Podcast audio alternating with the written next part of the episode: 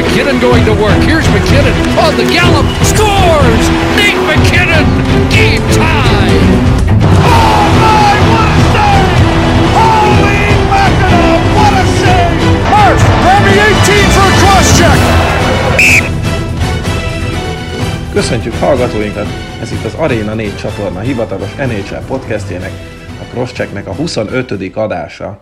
Én Palotai Barnabás vagyok, és ezúttal is két házigazda van még itt velem, Jani Szabolcs és Kerek István, és hát srácok, negyed század, szinte, szinte jubileum, de legalábbis mérföldkő, nagyon kemény. Patrick Márlótól még kicsit messze vagyunk, de egyszer majd ő is visszavonul, mi viszont soha. Hogy vagytok?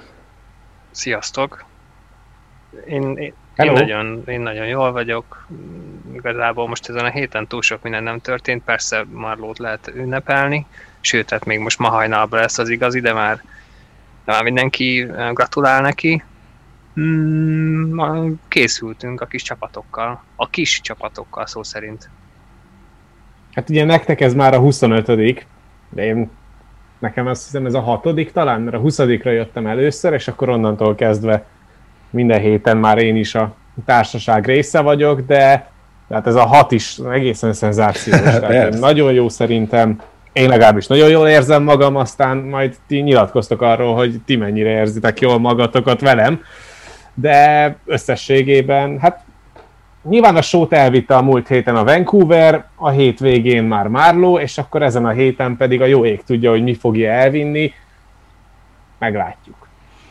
Egyébként igen, körülbelül ezekről a témákról lesz szó. Kicsit Vancouverezünk, meg ligázunk, aztán, ahogy Szabi mondta is, majd terítékre kerülnek azok a csapatok, amelyek szinte biztosan vagy, vagy nagy valószínűséggel lemaradnak a playoffról, és megpróbáljuk megfejteni, hogy miért, és hát aztán a végén a nagy öregnek is szánunk majd pár percet, mert azért egy nem mindennapi rekordot dönt meg, illetve hát mondjuk mire ez adásba kerül, addigra minden bizonyal meg is döntötte, úgyhogy hát kezdjük is, azért voltak apróbb hírek, Steven Stamkos hosszú távú sérült listára került. Uh, Isti, mit lehet tudni pontosan a sérülésről? Ugye elvileg ez nem az, ami a rájátszás alatt is hátráltatta. Uh, igen, és nem is az, amivel megműtötték a szezon, vé, szezon követően. Tehát, hogy az a szerencse ezzel a sérüléssel kapcsolatban, hogy tényleg nem tűnik annyira súlyosnak, mint amennyire az óvatosság és az a mód, ahogyan kezelik Stemkos sérülését, előrevetíteni ezt. Ugye április 9-ére visszamenőleg került hosszú távú sérült listára, aminek köszönhetően, hogyha minden jól alakul, akkor május elejére már visszatérhet. Ugye erről a hosszú távú sérült listáról úgy lehet lekerülni, hogyha vagy 10 mérkőzést hagy ki, vagy 24 napot hagy ki. Úgyhogy nagyjából így május 5-én a Dallas ellen térhet vissza majd Stemkos, hogyha minden jól alakul. Maga a sérülés az egyébként, pont én közvetítettem azt a mérkőzést az arénán, amikor, amikor ő megsérült, és egyszerűen nem tűnt föl az, hogy, hogy ő mibe sérült bele. Egyszerűen csak nyúlt az ellenfél kékén a korongért, és meghúzta magát, vagy valami, valami nem működött jól a lábában, és utána egyből lement a cserepadra, és onnan már nem is jött vissza, és ez nagyjából ilyen 10 perccel a meccs vége előtt lehetett. Nyilván utána ment a tanácskozás, hogy akkor mi történik, hogy történik, és akkor még azt találták ki, hogy a Nashville elleni két idegenbeli mérkőzés végéig majd esetleg tisztázódik pontosan, hogy mi a baj a Stemkosznak.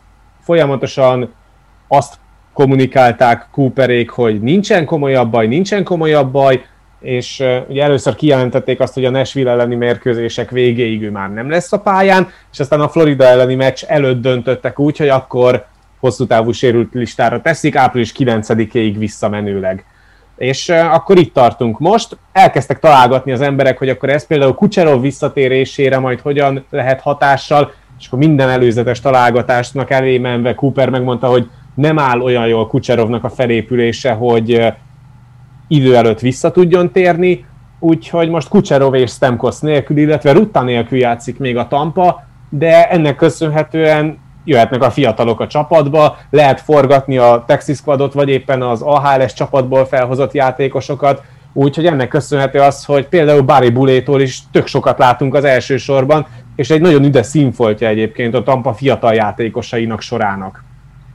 Gondolom a Kucserov orvosi diagnózisa az úgy szólt, hogy a playoff első meccsére lesz teljesen százszázalékos, nem?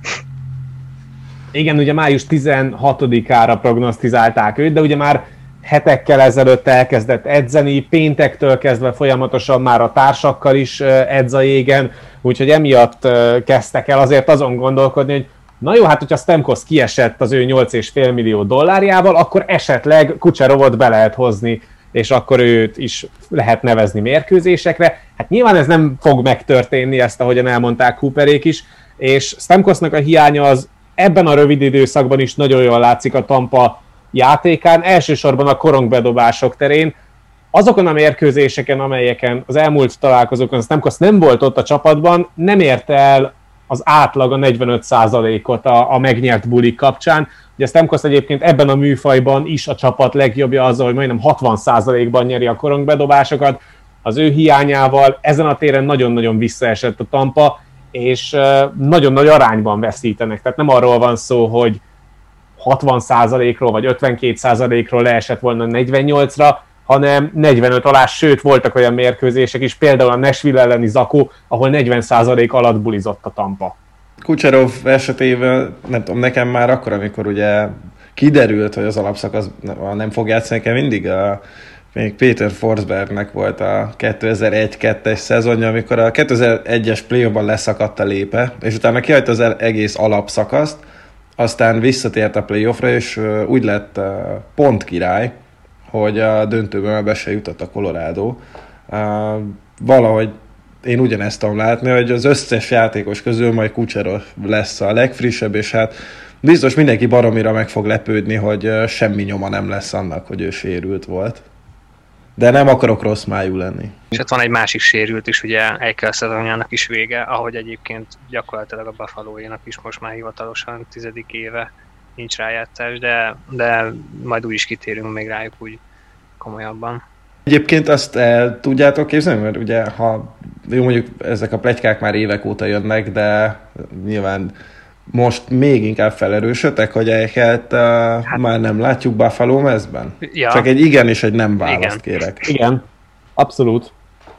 Ezt el is. Csak ugye például a Buffalo, például a Buffalo oh, ebben most tök rosszul jön ki, mert azért egy sérült játékosért kevesebb tőkét tudnak majd leakasztani a többi csapattól, kevesebb eszetet tudnak gyűjteni, mint amit mondjuk egy egészséges Eichelért cserébe tudtak volna. Tehát azért ezután a sérülés után azért Eichelnek a piaci értéke is lejjebb fog esni, az idei szezon alapján szintén lejjebb fog esni a piaci értéke, úgyhogy nyilván majd a Buffalo-ról biztos beszélünk, szerintem ők például tipikusan az a csapat, amelyik két, két szék között esett a pad alá, és most valahogyan próbálják majd menteni a menthetőt, nehéz helyzetben vannak, tehát Eichhelért is nem hiszem, hogy olyan értéket tudnának majd kapni, akármikor próbálják majd elcserélni, mint mondjuk kaphattak volna egy szezonnal korábban.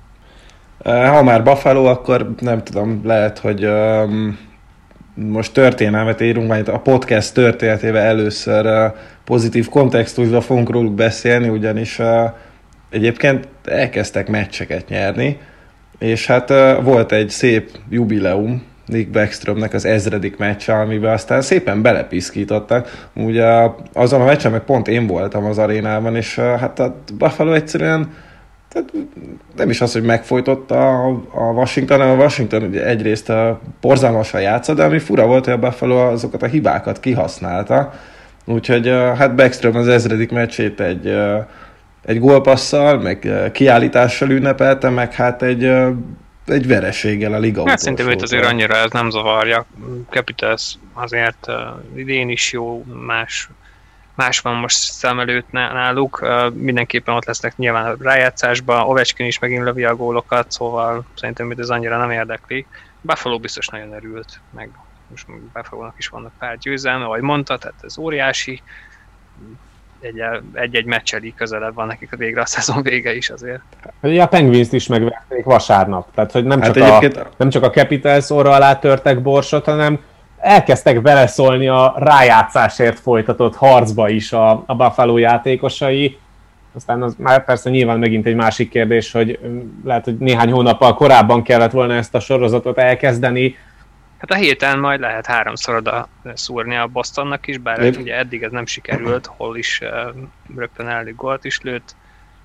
De amúgy igen, most, most már tényleg ott vannak, hogy semmiféle nyomás nincs rajtuk, már úgy amennyire ez így lekerülhetett róluk.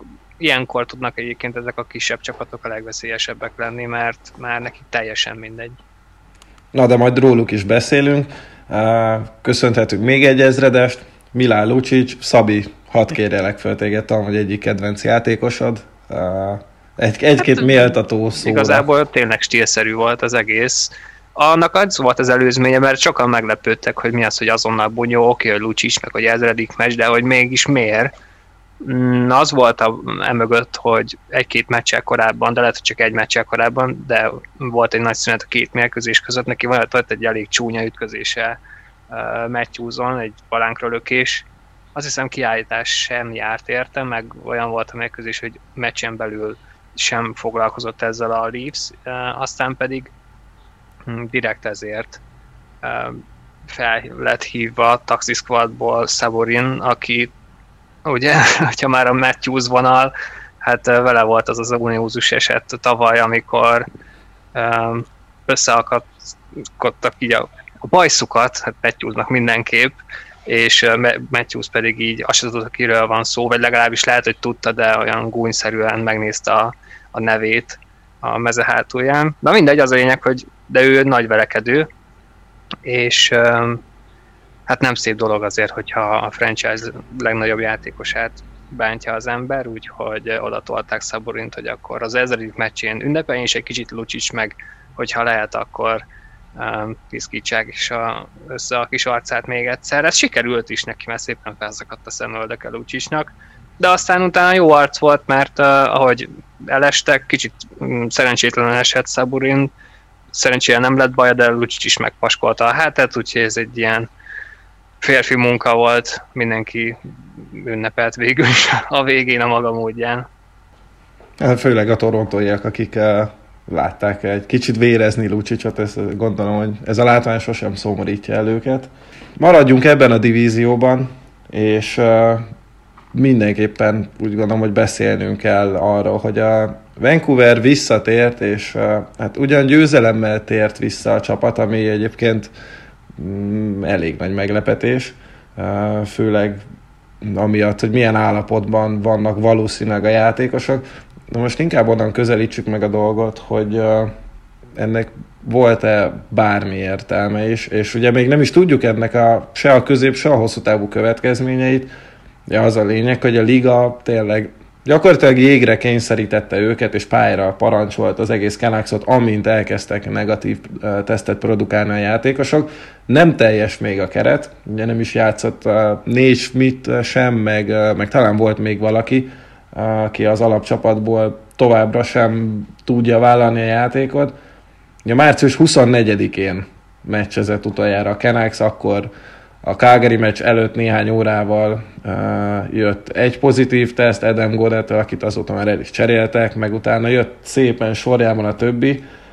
Um, én arra lennék kíváncsi, hogy nektek ugye nagyjából már ismerem a véleményeteket, de azért érdemes erről beszélni kicsit bővebben is, hogy hogy ez milyen húzás volt a ligától, hogy itt ugye nem arról volt szó, hogy köhögött valaki kettőt, meg tünetmentesen volt pozitív, hanem itt ugye a brazil variáns sok játékost rendesen ledöntött, és, és hát a csapatnak a nagy része nem az, hogy nem volt, de talán még most sincsen élsportra alkalmas fizikai állapotban.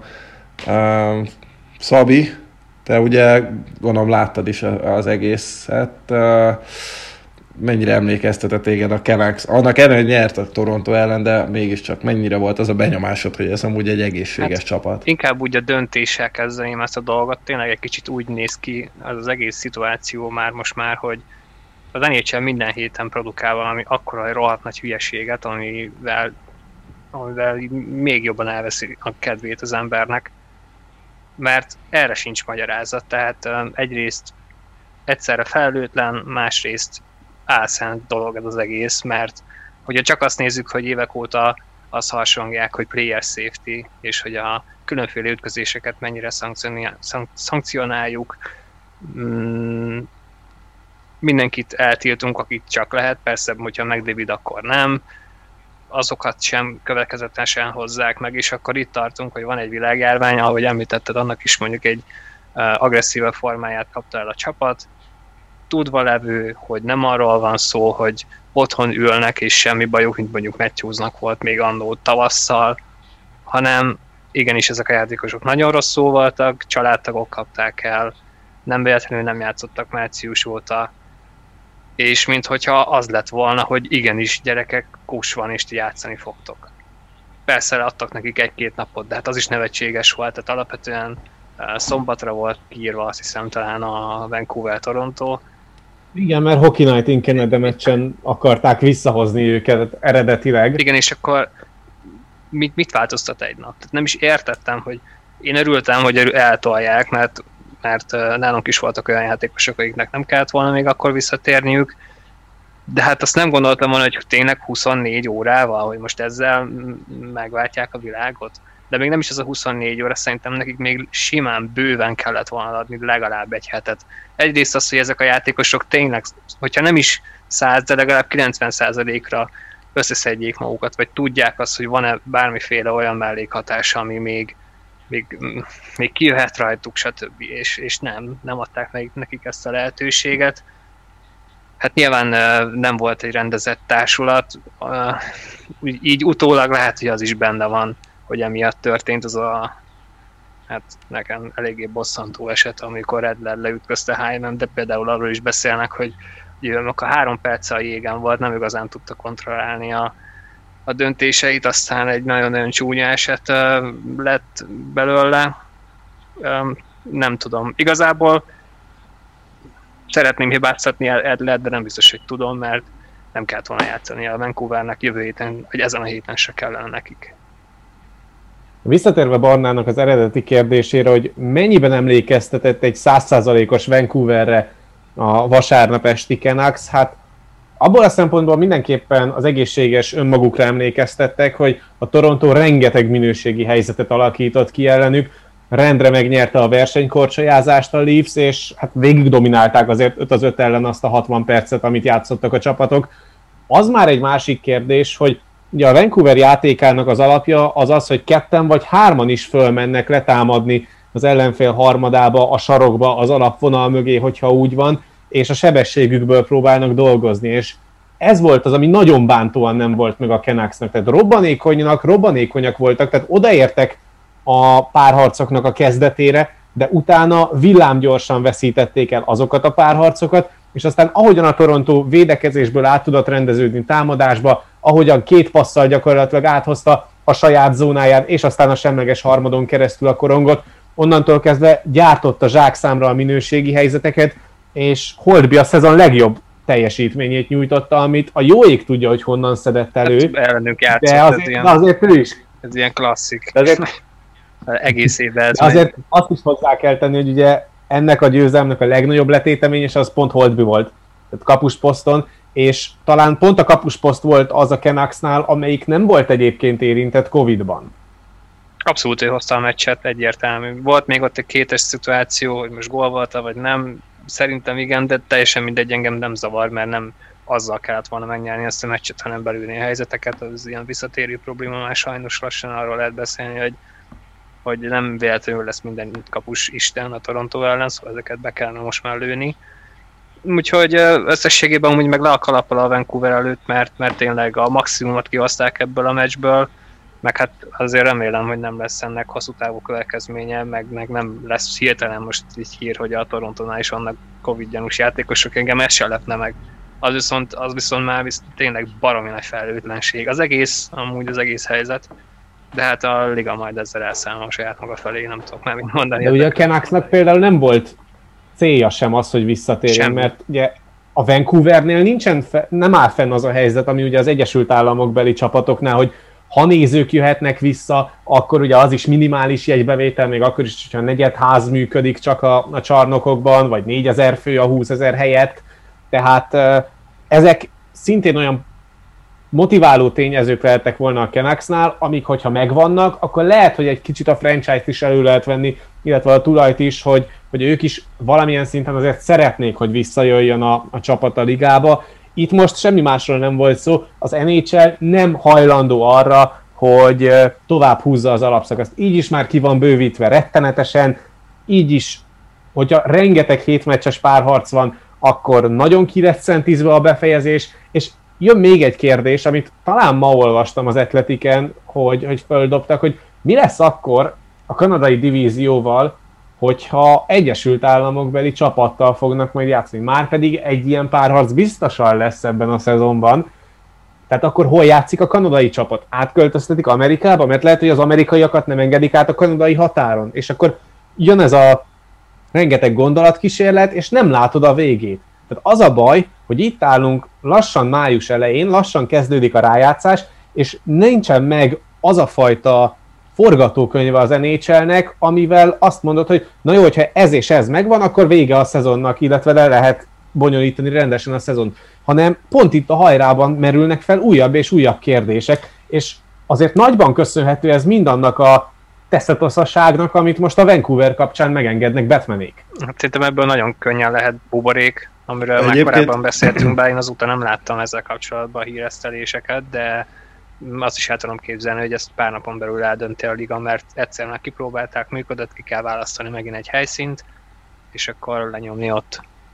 Hát egyébként lehet, hogy a színfalak mögött már megy az egyeztetés, de szerintem most, ami elsősorban motiválja a ligát, az az, hogy legyen meg az alapszakasz, aztán majd az első két kör közben uh, majd így, nem tudom, kitalálják, hogy akkor mi legyen majd tényleg a, akkor, amikor a legjobb Mi és akkor van az első körben fognak ki... ott egyezkedni a csapatok, akik még versenyben vannak két meccs között? Hát amiket tapasztaltunk, szerintem simán. Nem a csapatok fognak egyezni, nem a játékosoknak kell. A játékosok itt alkalmazottak, bármilyen uh, szarul is hangzik ez, nem a játékosok fogják ja, eldönteni, hogy folytassák Csak kérdés, a dolgot. például a GM-ek vagy nyilván szakszervezet foglalkozni idő előtt, vagy éppen akkor, amikor éppen zajlik a rájátszás. Tehát hogy szerintem egyébként hát mindenkinek előnyösebb Nekik, nekik az, akkor nem is lesz más dolog. a pillanatban, amikor vége az alapszakasznak, kiállnak Batmanék, megmondják, hogy akármi van, az utolsó négy megy buborékba, mondjuk mit tudom én hova. Floridába valahova, vagy, vagy, vagy Bostonba, tök mindegy. Tehát, hogy, hogy ne az legyen, hogy, hogy a bizonytalanba hát, ugranak bele a rájátszás. Nekem ez az egyetlen bajom ezzel az egésszel de már alapból a szezonnál is a bizonytalanba ugrottak bele, meg tavaly a buborékba is, mert soha nem volt még ilyen. Most nagyjából volt egy évük aklimatizálódni ahhoz, hogy csak a bizonytalanra készülhetnek. Most ugye volt egy csapat, amelyik a, a tehát megjárta a poklot poklát is, körülbelül. A, az NHL nem empátia alapján fog dönteni, meg nem az alapján fog dönteni, hogy a játékosoknak ne bizonytalanságban kelljen játszaniuk, hanem majd szépen, amikor arra kerül a sor, akkor erről is Persze, hoznak majd hát ugye a Canucksnak az elmaradt meccsei azok ugyanúgy közvetítési jogdíjakban jelenhetnek meg a végelszámoláskor a szezon végén, amikor összesítik a költségvetést. Azért is fontos az, hogy a Vancouver befejezze a így szezon. Van, így van. És ezt erőltetni is fogják, bármi lesz. Egyébként, hát pont ugye Szabi említetted a, a, azt az Edler térdelést, ami tényleg nem nézett ki jól, de valóban ugye ott ment fönt a számláló, hogy Edler akkor már három perce jégen volt. Ugye összesen 16 uh, extra hosszú shiftje volt a Kenex játékosainak, ami egy korán sem százszázalékos tüdővel, keringési rendszerrel, egy konkrétan merénylet ellenük. Ami, ami tényleg körülbelül felfoghatatlan, hogy hogy, hogy engedhették őket vissza. Mm, ilyen állapotban őket, és hát ugye JT Miller még mielőtt az egész uh, már így, tehát már amikor körvonalazódott, akkor hangot is adott annak, hogy egyszerűen egyszerűen nem érti, hogy, hogy hogy kényszeríthetik őket vissza. Egy ilyen sportolónak tényleg egy negatív teszt után még több hétig kell uh, felépülnie azok után, hogy átment a víruson, és hogy kardiológiailag egyáltalán engedélyt kapjon arra, hogy játszik. Itt a 6 hét helyet, vagy mondjuk több hét helyet, 6 napot sem kaptak. Szóval én alapvetően egyet tudok érteni Millerrel, mert az tényleg nonsens, hogy majdnem egy fél hónapon keresztül, sőt, tehát több, majdnem egy hónapon keresztül nem játszanak, le van zárva az edzőközpont, és, és gyakorlatilag semmit nem tudnak csinálni, mert karanténban vannak, úgy, hogy egyébként már előtte sem voltak feltétlen százszázalékosak, és ahogyan visszatérnek, az, az már csak a limitált lehetőségek miatt is nagyon kapkodós volt, és ugye berakták még ezt a plusz 24 órát, ami tényleg semmi másra nem volt jó, csak arra, hogy esetleg valaki még produkáljon plusz negatív teszteket, amivel aztán el lehet érni azt, és lehet döngetni a mellünket, hogy na milyen jól megoldottuk ezt a helyzetet, és, és milyen biztonságosan visszahoztuk a Kenaxot a ligába. Igen, ám csak láthattuk azt, hogy, hogy mennyi extra váltást kellett megoldani a Vancouver játékosainak. Lehetett látni, hogy már a mérkőzés elején is, ugye, amit kiemeltem az előbb, hogy nem feltétlen tudták önmagukra emlékeztető játékkal megkörvendeztetni a nézőket, akik oda kapcsoltak arra a mérkőzésre. Tehát nagyon-nagyon sok apró dolog volt, és tényleg hatalmas szerencséje van egyébként a Kenaxnak azzal, hogy, hogy nem lett egy plusz pozitív teszt most két nappal ezelőtt. Mert hogyha az van, akkor megint dől a dominó, és onnantól kezdve viszont, viszont tényleg teljes káosz az egész szezon.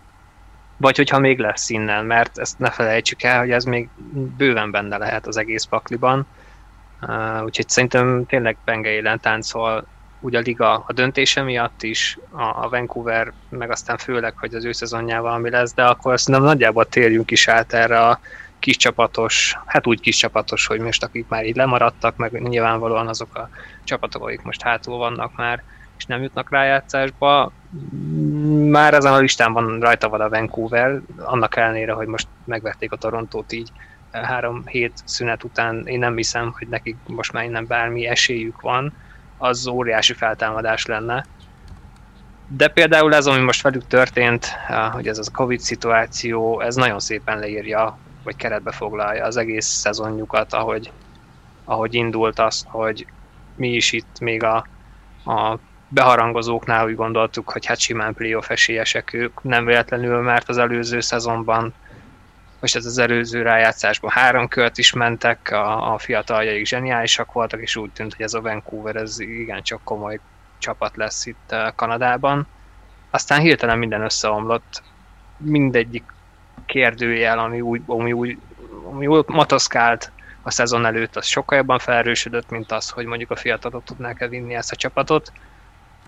És nagyon-nagyon rosszul kezdték a szezont, aztán nem is nagyon tudtak ebből kilábalni. Amikor úgy tűnt, hogy igen, akkor pedig úgy, ahogy van, kidőlt az egész csapat. Um, ugye ők nagyon sokat nem cseréltek, meg sok változás nem történt itt a szezonon belül. A nagy kérdés az, hogy mi lesz off-szezonban. Uh, úgyhogy kíváncsi is vagyok, hogy ti mit gondoltak. Ugye egyrészt itt van Hughes és Petterson szerződése, amiből viszont emiatt, hogy gyengébb most a szezon nekik, akár jól is kijöhetnek Hughes, persze hozza a pontokat, de az viszont egészen egyértelmű, és mert szerintem vannak elegen liga szerte, akik ismerik az advanced hogy, hogy nem biztos, hogy annyira nagyon-nagyon jó védő, mint védő jelenleg. Peterson pedig hát magához képest nagyon rossz szezonon van túl. Ott egy érdekes alkopozíció lehet ebből, hogy most ő milyen szerződést kaphat, vagy hogy az ügynöke szerintem most szívják is itt a fogát. Um, Viszont közben adtak Pearsonnak egy olyan szerződést, ami szerintem számomra egy kicsit értetetlen, főleg úgy, hogy itt van még egy Ericsson, akit valahogy szerintem el kell tüntetni, mert ott van ez a Vancouver, hogy most lehet nagyot hibázni. Egyrészt a rossz szerződésekkel, másrészt azt, hogy megtartják-e azokat a szerintem kicsit felesleges öregeket, akit nem kellene. Szerintem Szatört el kell engedni, szerintem uh, Ericsson-t el kell tüntetni konkrétan valahogy, Edler biztosan nem iratnám alá, de én megoldásnak látom azt, hogy a secondary scoringot és a védelmet, mindenképp veteránokkal a védelmet megerősíteni, mert az egyértelmű uh, hiány náluk. De tavaly a rájátszásban, még igazából tavaly az egész Kenak szezonját azt határozta meg, hogy mennyire jó volt előrejátékban ez a csapat, mert védekezésben már tavaly is egy teljes káosz volt. Úgy rohantak át rajtuk az ellenfelek, ahogyan nem szégyeltek, csak hát a kapus teljesítmény az, az meg volt alapozva, akár Markström védett az alapszakaszban, akár ugye beindult a Demko Show a buborékban, a rájátszásban, és az a helyzet, hogy azt a támadó játékot egyszerűen képtelen volt fenntartani erre az alapszakaszra a Kenax, és 60 percre vetítve több mint 60 lövést kapnak 5 az 5 elleni játékban, ami a legmagasabb majdnem az egész ligában, sőt a legmagasabb az egész ligában, tehát még a Minnesota Wild ellen, sőt a Detroit Red Wings ellen is kevesebbet lőnek kapura az ellenfelek, mint a Canucks ellen. Nyilván ez a tempóból is fakad, csak ehhez a tempóhoz támadásban nem tudott felnőni a Canucks, és ennek azért lehet keresni a, a több különböző okait, lehet, hogy a vezetőedző nem éppen a legalkalmasabb személy arra, hogy ezt megoldja egy egész alapszakasz távlatán belül, illetve az is egy jó kérdés, hogy, hogy valóban hova tűnt az, a, az az eszméletlen hatékony játék. Nyilván Toffoli távozása az részben ezt is elősegítette, hogy nem volt olyan igazán jó második soros gólszerzője a Canucksnak, de említetted azt, hogy Petersonnak nem biztos, hogy adnál olyan jó szerződést, mint amilyet a játéka mutat. Igen, ám csak, hogyha mondjuk megnézzük a, az advanced statokat pont az idei szezonban a Canucksban, így is kiemelkedik védekezésben Elias Peterson, úgyhogy tényleg nincsen egyébként egy jó szezonja, de mégis ő egyike azon kevés játékosnak, akivel a jégen hatékonyabb a Canucks, mint hogyha nem lenne ott. Tehát mégiscsak, hogyha az abszolút értékét nézzük egy játékosnak, akkor Peterson igenis a, a Canucks idei egyik legjobb játékosa a kevésbé jó szezonja ellenére is. Hughes az, aki ennek az alapszakasznak a legnagyobb vesztese a Canucksból, és az ő értéke nagyon nagyot zuhant. Ugye tavaly még talán úgy emlegettük, hogy vagy úgy emlegettétek, vagy úgy emlegette a, a sajtó, hogy egy szinten van Makárral támadásban legalábbis sokan így mondták, de az a helyzet, hogy kiderült, hogy, hogy egy alapszakasz távlatát nézve azért Hughes nagyon messze van Makártól, mind védekezésben, mind támadásban. Tehát például nem tud az a játékosa lenni a, a Canucksnak 5 az 5 elleni játékban, támadásban Hughes, ami a, a Colorado-ban Makár sokkal kevésbé hatékony a koron kihozatallal, sokkal kevésbé ülnek a passzai, sokkal kevesebb minőségi helyzetet alakít ki, sokkal kevesebbet lő a jégen, vele együtt a csapat, még annak ellenére is, hogy mennyire támadó felfogású védőről van szó. Tehát ö, ott tartunk, hogy például Schmidt és Jordiben is hatékonyabb támadásban, mint Hughes. Mert védekezésben sokkal kevesebbet veszít az előbb említett két védővel, mint hughes a égen a Canucks. És ez nagyon meghatározta azt, hogy, hogy az első sor az, az kis túlzásra terített Beckley volt ebben a szezonban a Canucksnak, főleg a backpár. Mm, igen, Köszönöm. bár egyébként azt hozzá kell tenni, hogy olyan szempontból nincs könnyű helyzete, vagyis hát Makárnak van egy kicsivel, nem is kicsivel könnyebb helyzete, hogy azért mégis a liga egyik legjobb támadója van előtte, meg van ott még egy pár, tehát egy, egy igazán száguldó Colorado mögött osztogatja a korongot. Mm, persze, De sokkal többet is kell vállalnia egyébként Makárnak.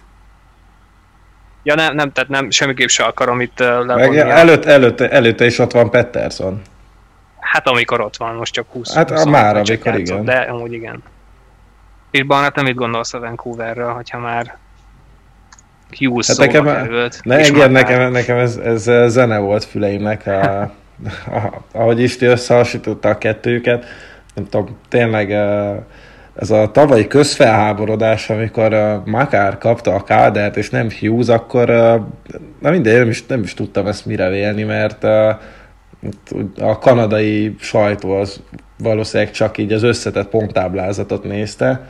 Hát csak sajnos a jégkorong az nem ilyen egyszerű, és valóban Hughes az embertelen nagy mínusz védekezésben, és, és hát ezen mindenképp javítania kell. Ab, abban egyetértek szintén Istivel, hogy ő most lehet, hogy ebben az alapszakaszban pénztől fog elesni a jövőre nézve. Petters annál nem hiszem egyébként, mert uh, mm, hát ugye itt nem az van, hogy, uh, hogy mondjuk egy megbicsaklásra tehát adnak kevesebb pénzt, azért Petersonnak volt egy domináns újonc és egy elképesztő második éve. Az, hogyha a harmadikban egy kicsit visszaesik, ráadásul egy ilyen speciális körülmények között lejátszott szezonban, szerintem azzal még nem fog ártani magának feltétlenül. Egyébként, egyébként meg én is a, a sebességet hiányoltam ebből a csapatból, és hát hozzá kell még tenni, hogy azért nagyon, nagyon megérzik Tanev és Markströmnek az elvesztését, és ugye hát a Holdby kísérlet most hiába védett jól a Toronto ellen, de azért tegyük szívünkre a kezünket, egyelőre hatalmas kudarc, Demko pedig oké, okay, kapott szerződés hosszabbítást, meg ő lesz majd a jövő kapus a Vancouverben, de ő még, ő még eléggé kiegyensúlyozatlan, és, és talán pont egy kiegyensúlyozott kapus teljesítmény volt náluk a vízválasztó. Szerintem nagyjából úgy hasonlóan látjuk a dolgot, és ebb egyet tudunk érteni abban, hogy itt tényleg egy veterán védelmet kellene kicsit segíteni hughes is, ha már mondjuk nem az a fajta játékos, hogy a védelkezést is megoldja, nem is lehet elvárni tőle. De az, hogy elől megvannak a fiatalok, azért Horváth szerintem egy, egy nagyon-nagyon jó igazi kapitány, Pettersson is rendben lesz, valószínűleg a szerződe is, szerződése is, még hogyha drága is lesz, akkor is. Ez, ez egy jó csapat, és jó irányba van, viszont innen szerintem most könnyű lehet elrontani, de, de nem nincs nehéz dolga Benningnek, mert, mert pár, pár olyan dolgot kell idehozni, amivel könnyen vissza tudják hozni magukat arra a szintre, mondjuk tavaly voltak. De maradjunk akkor szerintem ott a uh, Kanadában. Az Ottawa. Hát igazából mm, ahhoz képest, hogy milyen volt a, az ő szituációjuk egy-két évvel ezelőtt, tehát, hogyha mondjuk barús volt az ég, és én emiatt kicsit szomorú voltam, akkor rögtön arra gondoltam, hogy ott a szenátorsz, és azonnal mosolyogtam, és nevettem az ő szituációkon, meg hogy, hogy miken mentek keresztül, meg az a, a legendás kolorádós csere. Tehát úgy tűnt, hogy ott, ott tényleg minden barul és tragédia, mint mondjuk ahogy az Arizonában volt mostanában a szituáció, de ehhez képest igen, csak lehet elismerően bólintani. Most az, ebben a szezonban még többet látom őket, mint eddig. Nagyon, szerintem az a lényeg náluk, hogy folytatni kell ezt az utat, amit most az els, el, utóbbi egy évben, egy-másfél évben csináltak, mind draft szempontjából, mind management szempontjából, mind pedig az, hogy a jégen mit mutatnak, mert az sem utolsó, tehát ők voltak ennél sokkal rosszabbak. Úgy tűnik, hogy ezek a fiatalok egyenlőre tényleg jó húzásnak bizonyulnak, főleg mondjuk Stüsszle um, abszolút nem lók ki, annak ellenére, hogy, hogy tényleg még csak 19 éves, Brady Ketchuk is folyamatosan fejlődik, szerintem egy szörnyeteg lesz. Vannak olyan fiatalok, akik már nem annyira fiatalok, mint az előző két említett ember, viszont a farmban nagyon szépen fejlődtek, és most az nhl is. Szerintem megvan az első számú védőjük, aki egyébként mint védő előre-hátra szerintem értékesebb, mint aki korábban volt Carson, tehát uh, Sabot én egy jobb védőnek gondolom összességében. És csak ezt tudom egyébként felhozni velük kapcsolatban, hogy folytatni kell ezt az utat, ami, ami nagy kérdőjel lehet a jövőre nézve, az, a, az Melniknek a hozzáállása. Tehát um, mindannyian tudjuk, hogy szeret a pénzzel játszani, részben ezzel is voltak nagy problémák ott tovább az elmúlt időszakban, vagy még a rebuild előtt, ami, ami ott volt. Tehát el fog jönni az időszak, főleg, hogyha ez a csapat nagyon jól muzsikál, mert pedig benne van a pakliban, hogy két-három éven belül ez egy nagyon komoly csapat lesz, hogy ezeket a játékosokat ki kell fizetni. És hogy hajlandó lesz-e, szerintem ez, ez, ez lehet egy, egy nagy kérdőjel. Az Ottavát egyébként nagyon jó nézni a szezonban, tehát én például meglepően sokszor kapcsoltam be a szenátorst abban az esetben, hogyha éppen volt fölösleges egy órán mondjuk, és belenéztem mondjuk, mondjuk csak egy harmadba, de, de, de az nagyon jól körvonalazódik, hogy ebben a csapatban nagyon nagy potenciál van. Nagyon jó nézni őket, nagyon szórakoztató jégkorongot nyújtanak, beleállnak az adókapokba, bárkivel fel tudják venni a tempót, egyébként legalábbis a kanadai divízión belül bárkivel fel tudják venni a tempót, ideig, óráig, mert például a leafs nyilván nem lehet fölvenni a tempót egy teljes 60 percen keresztül, de, de képesek ezek a fiatalok arra, hogy, hogy minőségi helyzeteket alakítsanak ki, és, és tényleg megvan bennük a tűzerő, mert, mert olyan szinten lövöldöznek kapura, mint mondjuk a Boston vagy a New Jersey, míg, sőt, hogyha megnézzük, több lövést teresztenek el 60 percre, mint mondjuk a nagy tempót diktáló Leafs, vagy Oilers, vagy esetleg a Tampa. Tehát, hogy a lövőkedv és a támadójáték iránti hatékonyság és fogékonyság az abszolút megvan ebben a csapatban, szervezetté kell őket tenni, de hát erre jönnek majd azok a pillanatok, amikor meg kell adni ennek a fiatal magnak a rutint a szabadon igazolható játékos piacról, hogy, hogy amikor már tényleg eredmény is kell a csapattól, akkor összegyúrva egy nagyon jó elegyet alkosson, és szerintem ebben az Ottavában egyébként benne van az, hogy talán azon csapatok közül, akiket így a kis csapataink közül így egy kalap alá lehet venni, a leggyorsabban ők fognak elérni eredményt. Legyen az akár rájátszás, akár rájátszás második kör. Tovább már inkább nem megyek, mert azért az még nagyon-nagyon messze van mindegyik csapattól, de, de egy rájátszás, illetve egy rájátszás második kör kettő-három éven belül abszolút realitás lehet az Ottavának, amivel pedig előzik az összes többi hasonló állapotban lévő csapatot a ligában. Valóban, amit majd én is mondani szeretnék, az rímel arra, amit mondtál Isti, hogy meg hát amit Szabi, te is említettél, hogy uh, tényleg azt látni rajtuk, hogy a fiatalok fejlődnek, és ilyen nagy törést bárkinél is azért nehezen tudnék most említeni. Talán, talán Colin White az, aki, aki picit másfajta játékosnak tűnik, mint amit a, a, annó vártak tőle. Viszont a, ami ugye alátámasztja azt, amit, uh, amit mondtatok, hogy mennyire látványos, támadó hokit játszanak. Egyetlen egy csapat van az NHL-ben, amelyik minden egyes meccsén lőtt gólt ebben a szezonban, és az az Ottawa. Amikor én ezt a, az adatot megláttam először, dobtam egy hátast, mert azért nyilván nem egy sereghajtók közé tartozó csapattól várja ezt az ember, de igen, ők, ők mindent föltettek a góllövésre, meg hát ugye arra, hogy fejlődjenek a fiatalok.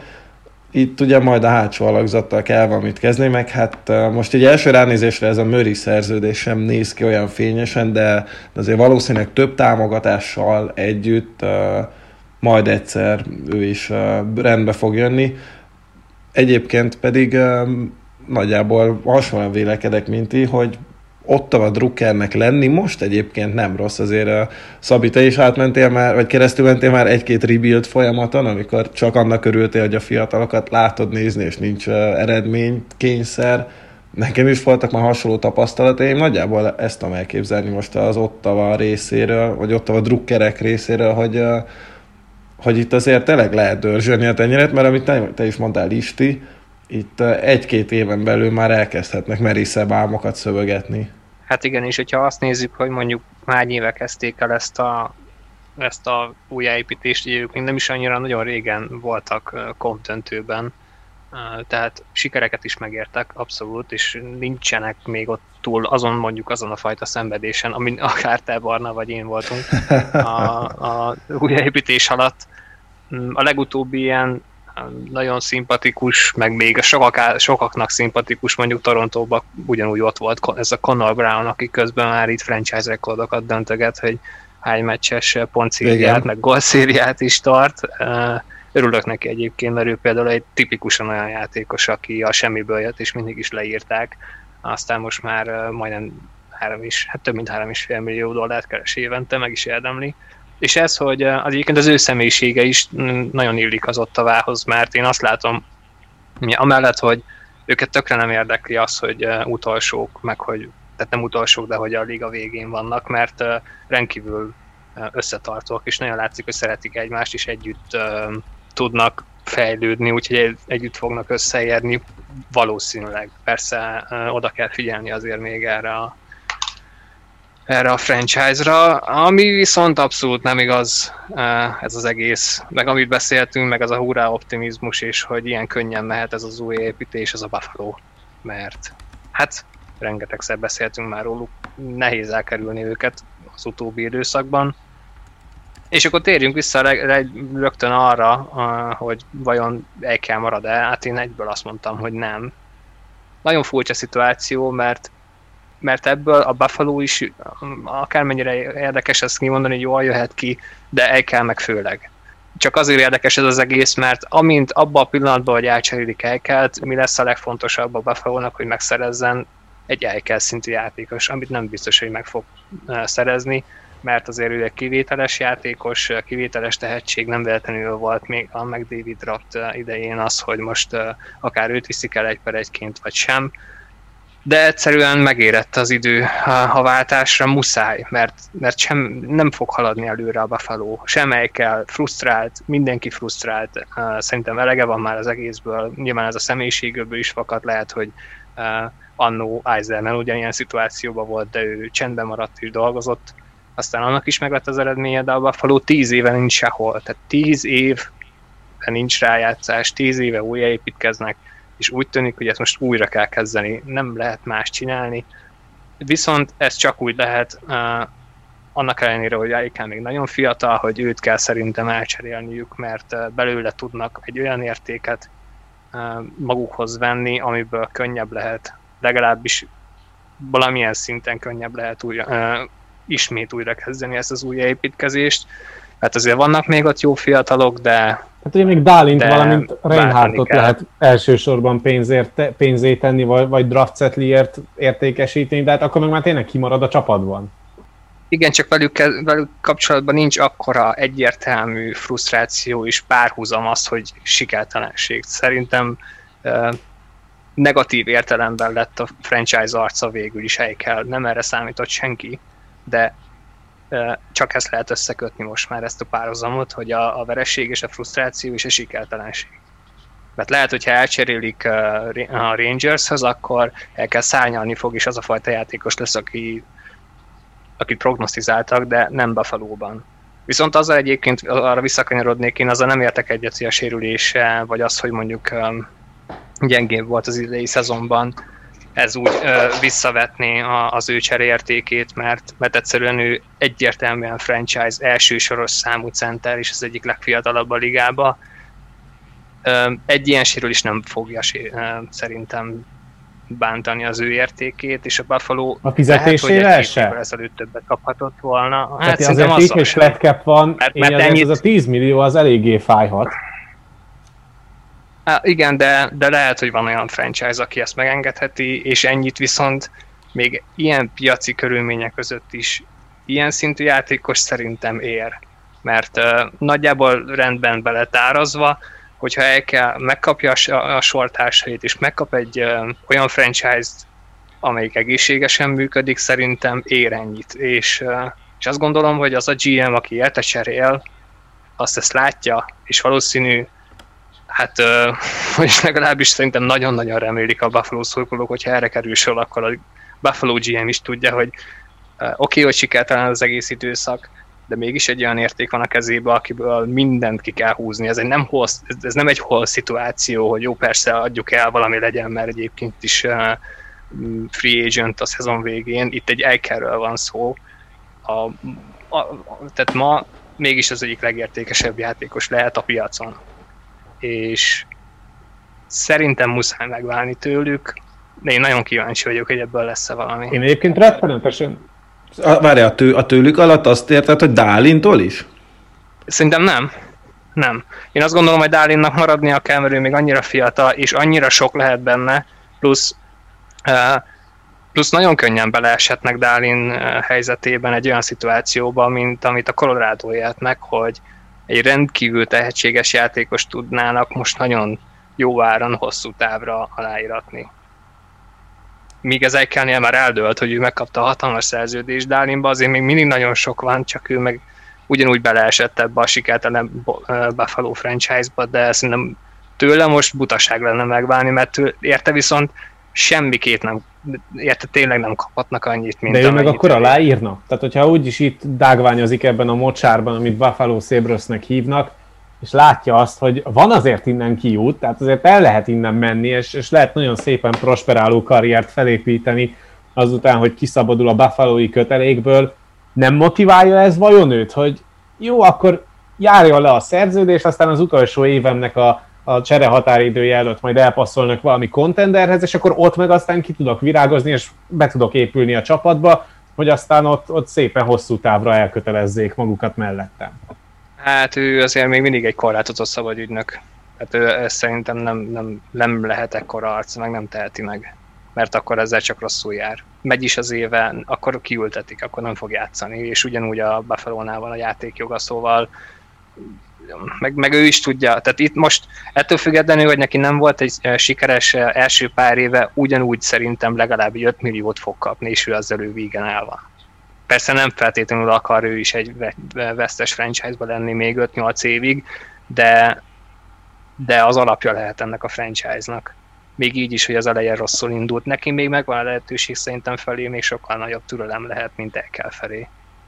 Ahol viszont úgy tűnik, hogy ez a türelem ez kifizetődik, az, az szintén ebben a csoportban látszódik körvonalazódni, ugyanis a New Jersey Devils-t én nagyjából azon csapatok közé soroltam, illetve úgy fogalmaztam meg az ő, ő állapotukat, hogy ők a keleti divíziónak az ottavája, és ez a csapat játékán is olyan szinten meglátszik, hogy stabilabb védekezéssel kell rendelkeznie, mint mondjuk az Ottavának a kanadai divízióban, tehát azért itt jobban struktúrált csapatok ellen kell folyamatosan jégre lépnie a Devilsnek, viszont nagyon jól néz ki az a, az a fiatal építkezés, amit éppen a, a Devils csinál most.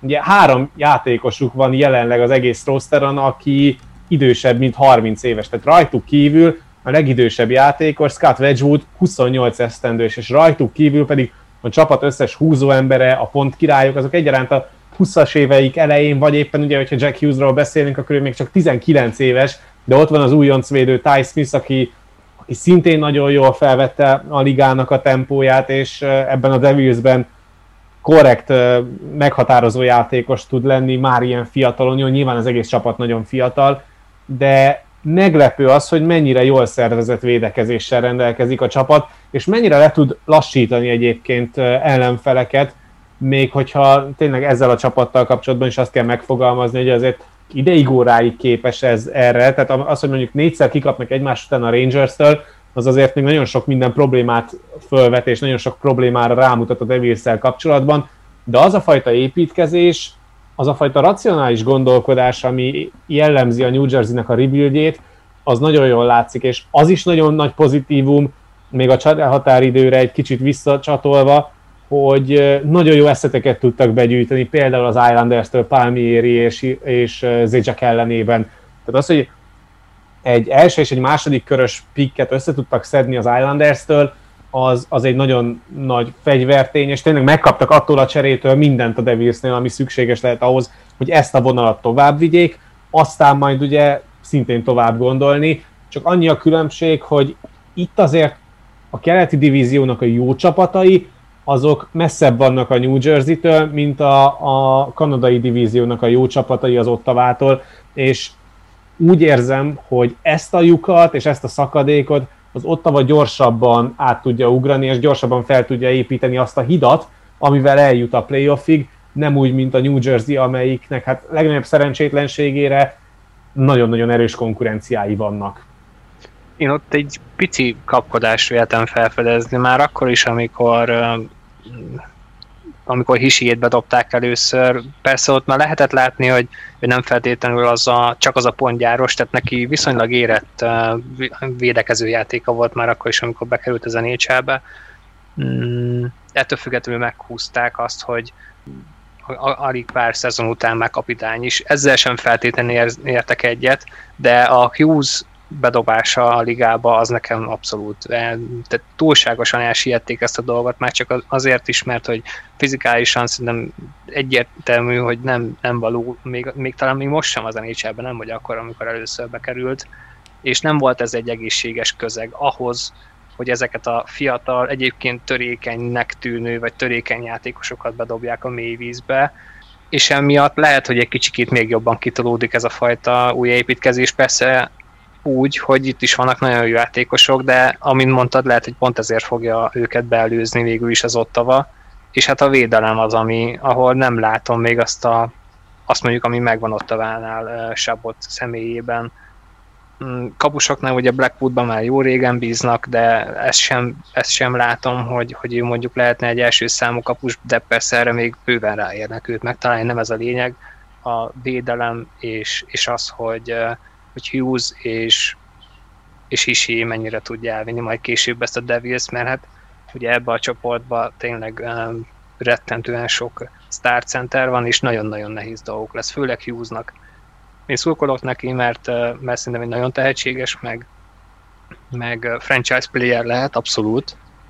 Csak lehet, hogy válni kellett volna még legalább egy 21 éves koráig, míg, míg oda kerül, vagy legalábbis ilyen nagy feladatot adnak neki. Engem, engem kezd meggyőzni Hughes. Abban abszolút egyetértek, hogy tavaly szerintem nem kellett volna minden áron bedobni a mélyvízbe. Ott, ott tényleg kilógott, és, és egy ilyen kisfiúnak nézett ki ott a, a bácsik között. idén, hát amennyi New Jersey meccset láttam, szinte kivétel nélkül, hogyha jégen volt, akkor, akkor egyszerűen lehetett érezni és látni a jelenlétét, mert impaktja volt a játékra, és ezt mindenképpen jó volt látni, annak ellenére, hogy tényleg egyébként még bőven van hová erősödnie. Uh, nagyon sok támadás generál, engem meglepett, hogy, hogy abban egyébként már most majdnem liga elit, úgyhogy uh, lehet, hogy bele fog ő nőni abba a cipőbe, amiben majd egyszer bele kell lépnie, hogy ő legyen a, az első számú center, mert ugye Hisséről az már kiderült, hogy hát ő inkább egy jó egy, egy B opció, vagy inkább második számú, amivel nincs semmi gond egyébként, mert, mert az is egy nagyon hasznos szerepkör. Én Hughesban már, már tavaly még nem láttam, sőt őszintén szóval még a draft évében sem, hogy miért volt ennyivel, vagy miért tartották ennyivel jobbnak mondjuk Kakkónál, meg a többi amerikai utánpótlás srácnál, de, de azért idén már, már rendszeresen megvillantja, hogy, hogy, hogy azért ott vannak benne azok a kvalitások, és egyébként a csatár utánpótlásban nagyon jól áll tényleg a Devils. Hát igen, a védelem az, ami, tehát most egy nagyon fej, már most fejnehéz a csapat, és, és azért a prospect pool is az, valóban itt azért a hátvéd sorra ráfér még egy kis erősítés, és hát igen, én sem érzem azt, hogy itt amíg Blackwood véd évi 50-60 meccset, addig, addig vérmesebb reményeik lehetnének. Átkanyarodva a Centrál Divízióra, hogyha már befejeztük a kanadait és a keletit, akkor, akkor beszéljünk például arról a csapatról, amelyik majd hamarosan kezd majd talán kilábalni az újjáépítkezésből. Ugye gondolok itt a, a Detroit Red wings nyilván nem feltétlen kell arra gondolni, hogy akkor most jövőre vagy két év múlva már hirtelen esélyes csapatok lesznek rájátszásra, vagy akár még több dologra is hivatottak lennének. Ugyanakkor az látszódik, hogy ebben a csapatban azért nagyon sok mindent rendbe kell tenni, még mielőtt nagyon-nagyon elkezdenének álmodni. A csapat tempója rettenetes, a hatékonyságuk elől az, az botrányos, tehát a korongnak mind a két oldalán nagyon-nagyon sok mindent rendbe kell tenni. Most ugye sikerült a csere határidő legnagyobb üzletét megkötniük gyakorlatilag azzal, hogy lerabolták rendesen a Washington Capitals, de ugye elveszítették Mantát, aki egyébként azóta az új környezetében szenzációsan játszik, tehát ugye azt hiszem már három gólja, vagy négy gólja is van már Mantának, oké, ebből van üres kapus találat is, de összességében az ő integrálása az új környezetben nagyon jól néz ki a Capitalsnél, de visszakanyarodva a Detroitra, nekem a legnagyobb kételjem ezzel kapcsolatban az, hogy itt még mindig túl öreg a keret ahhoz, hogy arról beszéljünk, hogy a New Jersey vagy éppen az Ottavához hasonló fiatalitás menne végbe, és annyira viszont nem minőségiek azok a játékosok, játékosok hogy azt mondanánk, vagy azt mondhatnánk, hogy, hogy ki lehet hagyni egy fázist, és lehet a Suranó pályán oldalról megelőzve az újjáépítkezésben az Ottavát és a New Jersey-t maguk mögé utasítani, mert az a helyzet, hogy hogy tényleg nem nagyon van, amit beszéltünk egyébként a csere határidős podcastben is, hogy nagyon jó lesz az elkövetkezendő években majd valamikor Detroit szurkolónak lenni, de az a helyzet, hogy azzal kapcsolatban én nagyon bizonytalan vagyok, hogy ez mikor jön el. Mert látom Eisermannek a, a gondolatát, látom azt, hogy hogyan próbálja felépíteni, de a játékosok minősége az, az sajnos egyelőre még nem azt vetíti előre, hogy itt hamarosan nagy dolgokban kellene gondolkodnia a Detroitnak szép a jövőkép, struktúrált, de nem látom, hogy eredményes lenne. Hát szerintem ez még nagyon-nagyon messze van. Most azok közül, a csapatok közül, akikről itt szó van, hát talán ők vannak a legmesszebb, attól függ, hogy most Buffalo-ba tényleg milyen irányba mennek el, meg ott mi történik. Uh, ugye ott van ugye a legnagyobb, uh, ugye a legtehetségesebb játékosuk most meg a legnagyobb és egyértelműen Zyder, de ő is egy olyan um, stílusi játékos, aki mondjuk egyszer lehet egy headman, de hát headmannak is hány év kellett hozzá, tehát még az, hogy bekerül a ligába, ott is még egy nagyon-nagyon hosszú folyamat lesz, míg ő tényleg az, az nvd válik, aki, aki úgy benne lehet. Emellett pedig ugye a támadó szekcióban, vagy a prospekteknél most húzták Raymondot, de nincs meg az a, az a szenzációs támadó mm, prospect pool. Biztos, hogy lesz, tehát itt tényleg a türelem a, a kulcs, mert én azt gondolom, hogy Eiserman szépen leült, elfoglalta a széket, elvetette a kis magokat, és akkor mindenkinek azt mondta, hogy jó, akkor várjunk, mert, mert ebből ez egy nagyon-nagyon hosszú um, távú projekt, és, és én azt gondolom, hogy meg is fogja kapni ezt a bizalmat és ezt az időt. Biztos, hogy bíznak benne, de ezt ki kell várni. És szerintem pont ezért nagyon um, jó jele ennek az előző a csere, az a Manta féle az, hogy ő, ő elcserélte fiatal játékost egy másik hasonló fiatal játékosért, csak azért, hogy egy, egy first picket szerezzen. Ennek ez volt a lényege. Semmi más, csak a lehetőség arra, és nem biztos, hogy sőt, több mint valószínűleg nem fognak sztárjátékos húzni, de a lehetőség megvan, és ezek a fontosak náluk most, hogy minden egyes olyan lehetőséget magukhoz ragadjanak, amiben benne lehet az, hogy akár ahogy Tampába kihúznak egy kucserovot, mert, mert meg le, ez is benne van. Bármi benne lehet, de azt gondolom, hogy ők most ezt meggyorsítsák, ezt a folyamatos, mint ahogy Torontóban is történt, lehet, hogy a Torontó se lenne sehol az égvilágon, hogyha nem húzzák Matthews. Pont jó időben nyerték, pont jókor azt az egy per egyet. Ez tény, ez szerencse. Mert egy olyan játékos húztak, aki franchise changer, ennyi. Ahhoz, hogy a Detroitnak mondjuk 3-4 évvel gyorsabb legyen ez a folyamat, egy hasonlót kellene alkotniuk. Egyébként a következő hát mondjuk inkább 22-23-os drafton lesz is ilyen játékos, de nem ez az első számú cél, mert erre nem lehet építeni. Egyébként lehet, hogy már 21-ben is lesz a játékos, csak hát ugye annyira megjósolhatatlan az egész, hogy sőt, én azt mondom, hogy inkább szinte biztos, hogy lesz, kivéve mondjuk, hogyha most a, a fejlődésben mindenki egyszerre megrekedt, ugye a kevés szám miatt, de, de szerintem azért bőven lehet majd a zavarosba halászni, és azért Detroit híresen jó abban. Nyilván most már mások a feltételek, és nem az van, hogy a világ végéről össze tudsz szedni egy dációkat, mert a világ végén ugyanúgy ott van az összes csapatnak a scoutja, hanem, hanem pont talán Zydernek a példája mutatja, aki én nem tudom, időről időre jobban kedvelek, és, és többet is látok bele, mm, egyre csak. Ugye őt is azért jó nagy meglepetés volt, ahogy ezt beszéltük is múltkor, hogy a hatodik helyen már elvitte Eiserman, és kiderül, vagy hát egyelőre úgy néz ki, hogy azok közül, a fiatalok közül, hát baromi jól fest a srác, és uh, persze nyilván az NHL egy következő lépcső, de én el nem tudom képzelni, hogy ne állja meg ott a helyét. Én ezt várom Eisermentől a következő drafton is. Szerintem ő lesz az egyik legfelkészültebb GM majd, amikor, amikor arra kerül a sor, hogy választaniuk kell, és és persze nyilván azért tehát messze vannak, és az építkezésben nem állnak olyan jól, mint ahol mondjuk a többi csapat, amelyekről eddig beszéltünk, de hát itt ugye ő egy, ő egy hát nevezük nevén, egy szarkupacot örökölt. Amit azért, hát Holland, Ken Holland azért így szerette elodázni az újjáépítést egészen addig, amíg ugye már nem is ő folytatja, hanem Meiserman, úgyhogy... Hát ő vasvillával jó sokáig hát, pakolta azt a szarkopacot, igen, évekig. Hát elég rendesen, igen, amikor Dan Cleariknek, meg ilyeneknek adott folyamatosan új szerződéseket, akkor Cleary már nem is volt NHL szintű játékos, csak hát ő ott a hűséget fizette ki, és nem a jövőbe fektetett. Most meg Eisenmannek én, én is látom az elképzelést, meg a stratégiát, de azért valóban itt egy-két öregnek ki kell pörögnie majd, szerződésügyileg főleg, és hát aztán majd jöhet apránként a többi.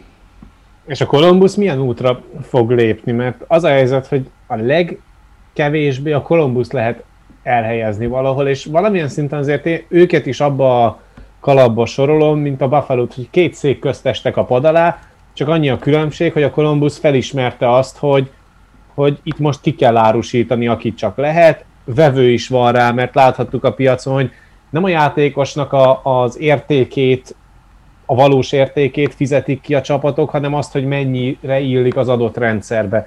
Ezért is tudtak ugye Savardból, illetve Folinyóból is egy-egy első körös pikket kihúzni a Tampától, illetve a Torontótól, mert nekik annyira kellett a Columbusnak a két játékosa, hogy, hogy mindent megadtak volna érte, és aztán pedig hát nyilván a general managereken múlik, hogy ők mennyire szeretnek megválni a draft setliktől.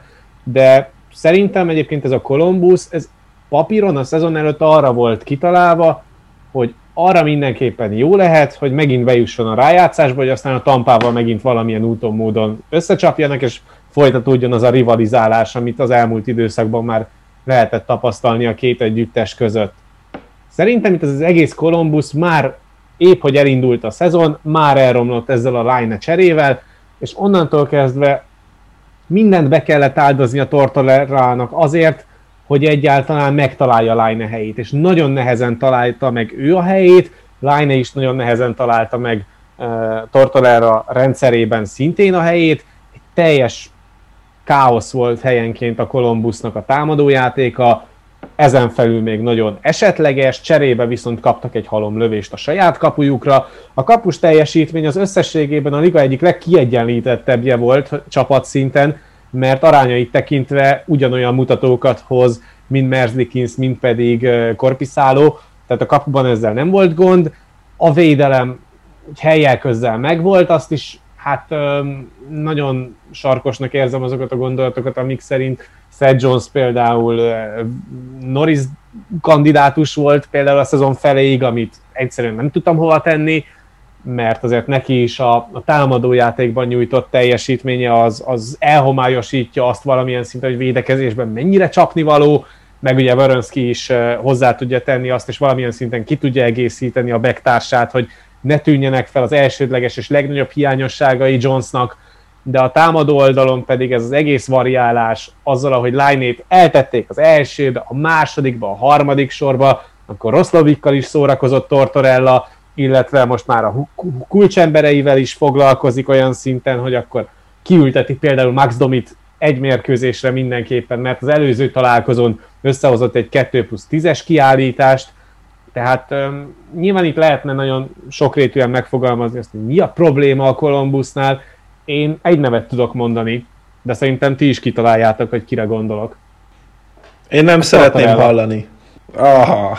Um, furcsa szitu, mert, mert én is rá gondolok, és um, úgy akartam felvezetni, hogy én Kekalainen egyébként az egyik legokosabb meg olyan rafináltabb GM-nek gondolom, szerintem benne rengeteg van. Még hogyha nem is itt Columbusba jön ki belőle, de lehet, hogy pár év máshol. Na mindegy, az a lényeg, hogy ő szerintem jó döntéseket hoz, és ez a Columbus is szerintem veszélyes alakulat lehet, tehát tavaly ezt megmutatták, meg, meg előtt a Tampa ellen is, de valahogy nem áll össze jókat húz, most is szerintem nagyon szépen találta meg azokat a kiskapukat, hogy hogyan lehet minél többet kihúzni Folinóból, Szavárból, akármennyire nem akarta ő szerintem őket eladni, de muszáj volt, és megtalálta, hogy hogyan lehet tényleg ezeket az üzleteket jól megkötni, de ezt az egyet nem igazán értem, hogy ő miért ragaszkodik ennyire Tortorellához, mert itt most már egyértelmű, hogy, hogy egy kicsit inkább amellett, hogy ő tudja, hogy milyen csapatot szeretne, mégis azért az edzőnek is kedvez, és, abszolút mm, olyan, mintha inkább Tortorella húzná ezt a, ezt a csapatot is az irányt, és nem értem, hogy miért, mert nem hiszem, hogy ez az a csapat, akinek ő kellene, bár abban sem vagyok biztos, hogy bárkinek, mert kicsit túltolja ezt a szigorú apuka, mindent elvár a fiától, de közben a fia meg belerokkan az elvárásba. Kicsit ilyen ez a Columbus szerintem, mert, mm, mert mm, ezért sem tud igazán összeállni. Persze Duboával kapcsolatban voltak olyan pletykák már, hogy ő már a junior ligába is siránkozott, hogy ő másik csapatokba akar lenni, de mégis mennyire ironikus, hogy egyébként az ő játéka a mai fiatal centerek közül szerintem pont, hogy a Columbushoz illik legjobban. És ők őt cserélték el egy olyan Patrick line akinek viszont az ég egy a világon semmi köze nincsen ahhoz a játékhoz, amit Tortorella akar, meg amit akar játszani, ez a Columbus. Tehát és amúgy kíváncsi vagyok, hogy ennek mi lesz a vége, mert vagy Line, vagy, vagy Tortorella szerintem menni fog, mert mennie kell, mert ők nem bírják egymást, tehát ez nem lehet, a kettőt nem lehet összeegyeztetni szerintem. Én a Kekalainen-nel egyébként nagyon felemásan vagyok, mert egyrészt ugye óriási érdemei vannak, hogy ebből a Columbusból egy, egy elég masszív csapatot csinált, egy playoff csapatot, egy olyan csapatot, amely ellen baromi kellemetlen játszani most már hát évek óta, és ez szerintem ugyanannyira az ő ebben, mint Tortorella is. Ugye Kekalainen 2019-ben nagyjából olyan volt, mint, mint amikor a Family Guy-ban Peter Griffin elmegy kaszinózni, és uh, még a 21-re is lapot kér uh, folyamatosan. Ugye ő két évvel ezelőtt a cserehatáridőnél ugye odavitt a Düsént is, Zingelt is, ugye ott volt akkor Panarin, meg Bobrovski, mindenkinek, az összes nagy sztárnak lejáró szerződése volt. Benne volt a pakliban egy nagy menetelés, és aztán az is, hogy, hogy le is fognak lépni a játékosok. Ugye Kekalainen azzal próbálta ezeket a játékosokat meggyőzni, hogy összecsődíti őket, és akkor hú, itt most hát mi eljutunk messzire. Aztán ugye tehát meg is alázták a tampát rendesen az első körbe, csak utána jött a Boston, ami meg rendesen helyre tette őket, és mindhárom nagy sztár lelépett.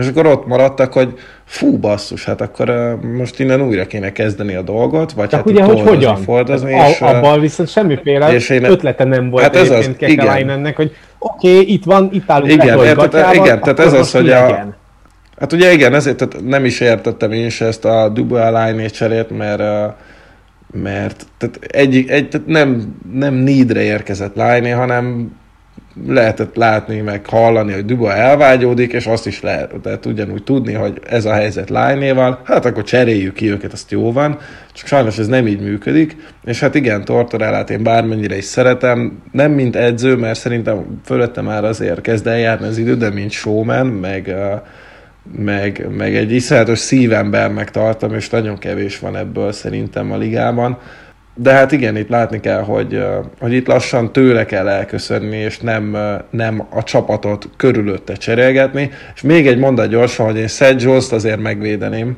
mert valóban jelenleg nem nyújtja a tudása legjavát, de azt tudni kell, hogy valamiért Seth Jones és, és a, az advanced statok az olyan, mint Superman és Kryptonit ő soha nem lesz abban kiemelkedő, de valamiért mégis ott van, hogy azért meccsenként 26-7-8 perceket játszik. Jó védő, idén nem az. Ez, ez, ez amúgy tény, és meg is állapítható. Hát ez a fiatal páros egyébként ennyi szerencséje mindenképpen a Kolumbusznak, hogy azt szerintem, szerintem tényleg nagyon-nagyon-nagyon jó.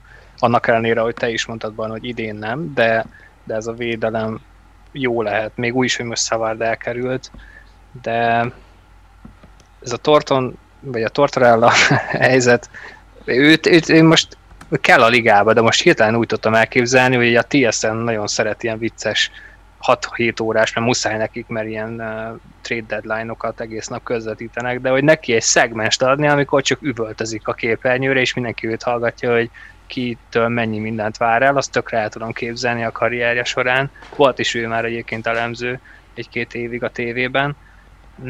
De hogy az NHL-ben hogy biztosan van-e helye, vagy legalábbis egy ilyen csapatnál, ezt azt nem tudom. Pedig ez a Columbus ebbe sok lehet, de megint ott vannak, megint ilyen köztes szituációban, hogy van is jó játékos, nincs is jó játékos, van is tehetséges, de igazából nem tudnák összerakni. Ahhoz viszont még annyit akarok hozzátenni, hogy mondtátok, hogy volt az a rész, amikor tényleg lelépett három sztár de azért Kekalainen azt mutatja, hogy utána is tudott ő playoff csapatot összerakni. Tehát nagyon kevés olyan GM van szerintem ma, aki három ilyen sztár eltávozása után is tud egy ilyen csapatot összerakni, úgyhogy szerintem ez egy elég, elég komoly pozitívum. Még úgy is, hogy persze korom, komoly eredmény nem értek el, de playoff az volt. Na de lesz-e playoff Los Angelesben?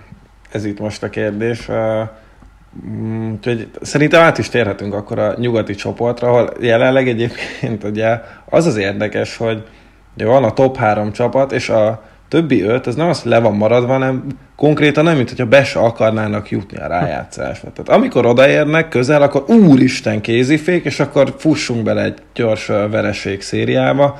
Ugye ez alól az Anaheim azért kivétel, mert ők, ők hozzá se szagoltak a playoffon ahhoz, de az Arizona, St. Louis, San Jose, Los Angeles négyesnél folyamatosan ezt érzem. Úgyhogy szerintem kezdjük is a Los Angeles-szel, amely néhány héttel ezelőtt még reális esélye, sőt, hát vesztett pontok tekintetében még, még, még ott is állt egyébként a negyedik helyen, de, de aztán úgy néz ki, hogy kezd kipukadni ez a csapat, ami nekem egyébként azért furcsa, mert uh, itt ugye nem arról volt szó, hogy a fiatalok játszottak nagy lendület, és a fiatalok húzták őket, hanem ugye az öregek kaptak előre. Hogy Kopitár még mindig pont per meccs fölött van, Dautit már leírtuk évekkel ezelőtt, aztán kiderült, hogy még mindig tud játszani, Dustin Brown a semmiből elkezdett ismét gólokat lövöldözni, és egyébként szemre is nagyon tetszető és nagyon masszív uh, uh, csapatképét mutatták. Aztán most mégiscsak úgy néz ki, hogy uh, hát így az a szezon előtt elvárthoz képest egyébként a helyükre kerülnek. Nehéz. Szerintem egyébként ebben a keretben nincs is ennél több, és talán eddig uh, teljesítettek erőn felül, viszont hát a prospect pooljuk az, az szerintem az egész ligában irigylésre méltó, és, és a következő tíz évben ismét jöhet a domináns Kings. Szerintem náluk az lehet most egy jó kérdés, és biztos, hogy ezen agyalhatnak a menedzsmentnél, hogy most türelemnek kéne lennie, vagy annak kellene következnie, tehát ez most egy véletlen kifutás volt, hogy Kopitárék megint úgy játszanak, mint 2014-ben, vagy akkor, akkor gyerünk jövőre szépen ezeket a fiatalokat, akik egyébként tényleg nagyon-nagyon tehetségesek, megpróbáljuk minél jobban összegyúrmázni ezekkel a még a régi kupás srácokkal, és egyfajta ritullal megpörgetni ezt a dolgot, vagy úgy, vagy úgy vannak vele, hogy engedjük el, ez csak egy kifutás volt, és akkor maradunk az eredeti tervnél, hogy, hogy még azért két-három év míg ez a csapat igazán jó lesz ismét. Szóval kicsit ilyen csapda szituációnak érzem ezt, mert, mert tényleg az van, hogy a, a régi öregek nagyon jól teljesítenek, közben vannak nagyon jó fiatalok, szóval pont a kettő között táncolnak, hogy van-e értelme még ezt erőltetni a régiekkel, tartsuk-e meg például, mert jövőre szerintem ez egy kérdés lehet mondjuk Dustin Brownnál, főleg ilyen teljesítmény mellett, mert hogyha jövőre is hasonlóan teljesít, de mondjuk a Kings nem, akkor azt gondolom, hogy el fogják cserélni csak úgy, mint idén Carter, de hogyha a Kings tudja volni jövőre az újabb fiatalokkal, akkor viszont meg kell tartani. Szóval ilyen kétes. Nekem. Ugye elkezdték az értékeiket valamilyen szinten megtartani, ugye Jafalóval is a cserehatáridő előtt hosszabbítottak, sőt a trade deadline-nak a az utolsó órájában derült ki, hogy, hogy akkor kap egy szerződés hosszabbítást a Kings-től. Mm, én bajban vagyok velük, én nem látom ennyire fényesnek a jövőjüket, és inkább látom annak a kiugrását ebben a szezonban, hogy ez egy rövidített szezon volt. Még akkor is, hogyha sűrített volt a menetrend, de, de én nem feltétlen látom azt, hogy Kopitárék mondjuk egy 82 meccses alapszakaszban, és aztán még egy rájátszásban is tudnának ilyen szinten játszani, és azért azt is lehet látni, hogy a Kingsnek a játéka hát nem tartozik a liga leggyorsabb csapatai közé, sőt, abszolút a liga alsó negyedéhez tartozik ezen a téren a Los Angeles-i csapat. 5 az 5 elleni játékban egyaránt várható gólmutatóban, illetve kapuralövési mutatóban is, hát ha nem is feltétlen vannak agyon dominálva, mert minőségi helyzeteket nagyjából ugyanolyan szinten tudnak kialakítani ők, mint amilyeneket kialakítanak ellenük az ellenfelek, de, de kapuralövési mutatóban is nagyjából ilyen átlag közelít hoznak, de most éppen túllövik őket az ellenfelek, de nem nagy arányban.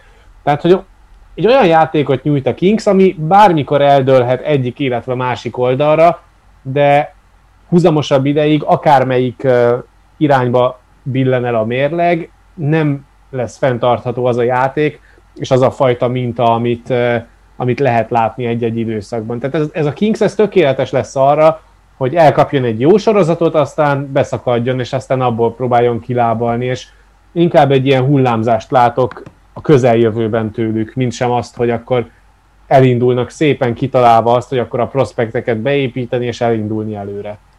Igen, de hogy említetted Iafalót, hogy őt mégiscsak megtartották, és lehet, hogy ez például ennek a jele volt akkor, hogy ráébredtek, hogy hát, hát várjunk már, hát most ő se egy idős játékos, lehet, hogy mi mégiscsak tudunk itt eredményeket elérni a következő egy év, egy-két évben, és, és nem elcserélem ezt az eszetet, nem tudom, mondjuk egy második körös draftját, és akkor még egy prospekt, hanem, hanem is megtartom, és jövőre lehet, hogy azokkal a fiatalokkal próbálok erősíteni, akik mondjuk pont lehet, hogy sebességet is hoznak, de ez szerintem egy hatalmas döntés lesz most a, a, a nyár során a Kingsnél, hogy melyik irányba induljanak el, de az abba igazad van, meg e, jó pont volt, hogy ezt felhoztat, hogy ez egy mégiscsak egy rövid szezon.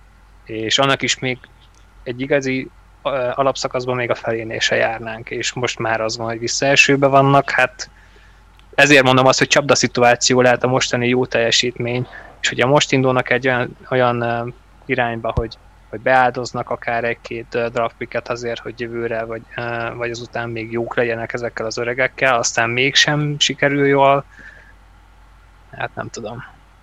Én szerintem Miafáló megtartása egyébként nem tudom, bennem annyira nem vetett fel kérdéseket, mert minden csapatban kellenek ilyen glue gályok, akik uh, akkor is ott vannak, amikor már a fiatalokat kezded el felhozni és beépíteni, mert, uh, mert valószínűleg akkor már nem Kopitár meg, meg Brown fogja a rutint képviselni. Lehet, hogy igen, csak ők aztán ugye hát hamar vagy nyugdíjba mennek, vagy elcserélik őket. Uh, most azért így végig szaladtam gyorsan a csatároknál a Prospect Rule-on, és hát a hideg kirázott tőle. Nem szívesen lennék, mondom, a következő, nem tudom, 5-6 évben közvetlen riválisuk. és ez, ezt egyébként értem az Anaheimre is, amely, amely jelenleg is rosszabb helyzetben van, mint a Kings, és hát a, a jövőjük sem annyira fényes. És hát én ugye ódákat zengtem Gibsonról a, a szezon előtt, és hogy, és hogy a világ egyik legjobb kapusának tartom, és hát ahhoz, hogy a, az, a DAX bármennyire kompetitív legyen, ahhoz azt kellett volna, hogy Gibson erről felül teljesít. Hát um, alig haladja meg a, a védési mutatója 90%-ot. Majd Stollerc. Mm, igen, igen, hát most úgy néz ki, hogy ő berobban, így um, nem is tudom hány évesen. 27. Annyi, 20, 27, igen. Hát igen, végül is amúgy egy idős Gibsonnal, szóval ez egy egész hát, jó, 27 jó, évesen, hát még... Hát bár éppen jött át Csehszlovákiából. igen.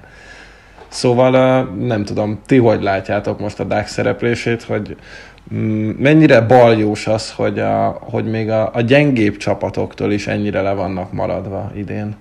Szerintem olyan szempontból egyébként lehet, hogy előrébb vannak, mint a Kings, hogy ott lát, lehet látni, hogy talán a két legfontosabb pozícióban, védelemben is, és a center poszton megvan már azért, vagy úgy tűnik, hogy meg lehet az a fiatal, akire érdemes építeni, persze ez még változhat a későbbiekben, de már ott vannak, és úgy tűnik, hogy, hogy ügyesen teljesítenek. A kapusposztot szerintem nem kell félteni, azért Gibson is még csak 27, szerintem ráér ott két kapuvas között mozgolódni még egy három-négy évig, még ebből az Anaheimből lesz valami. Ha csak el nem cserélik be, az butaság lenne.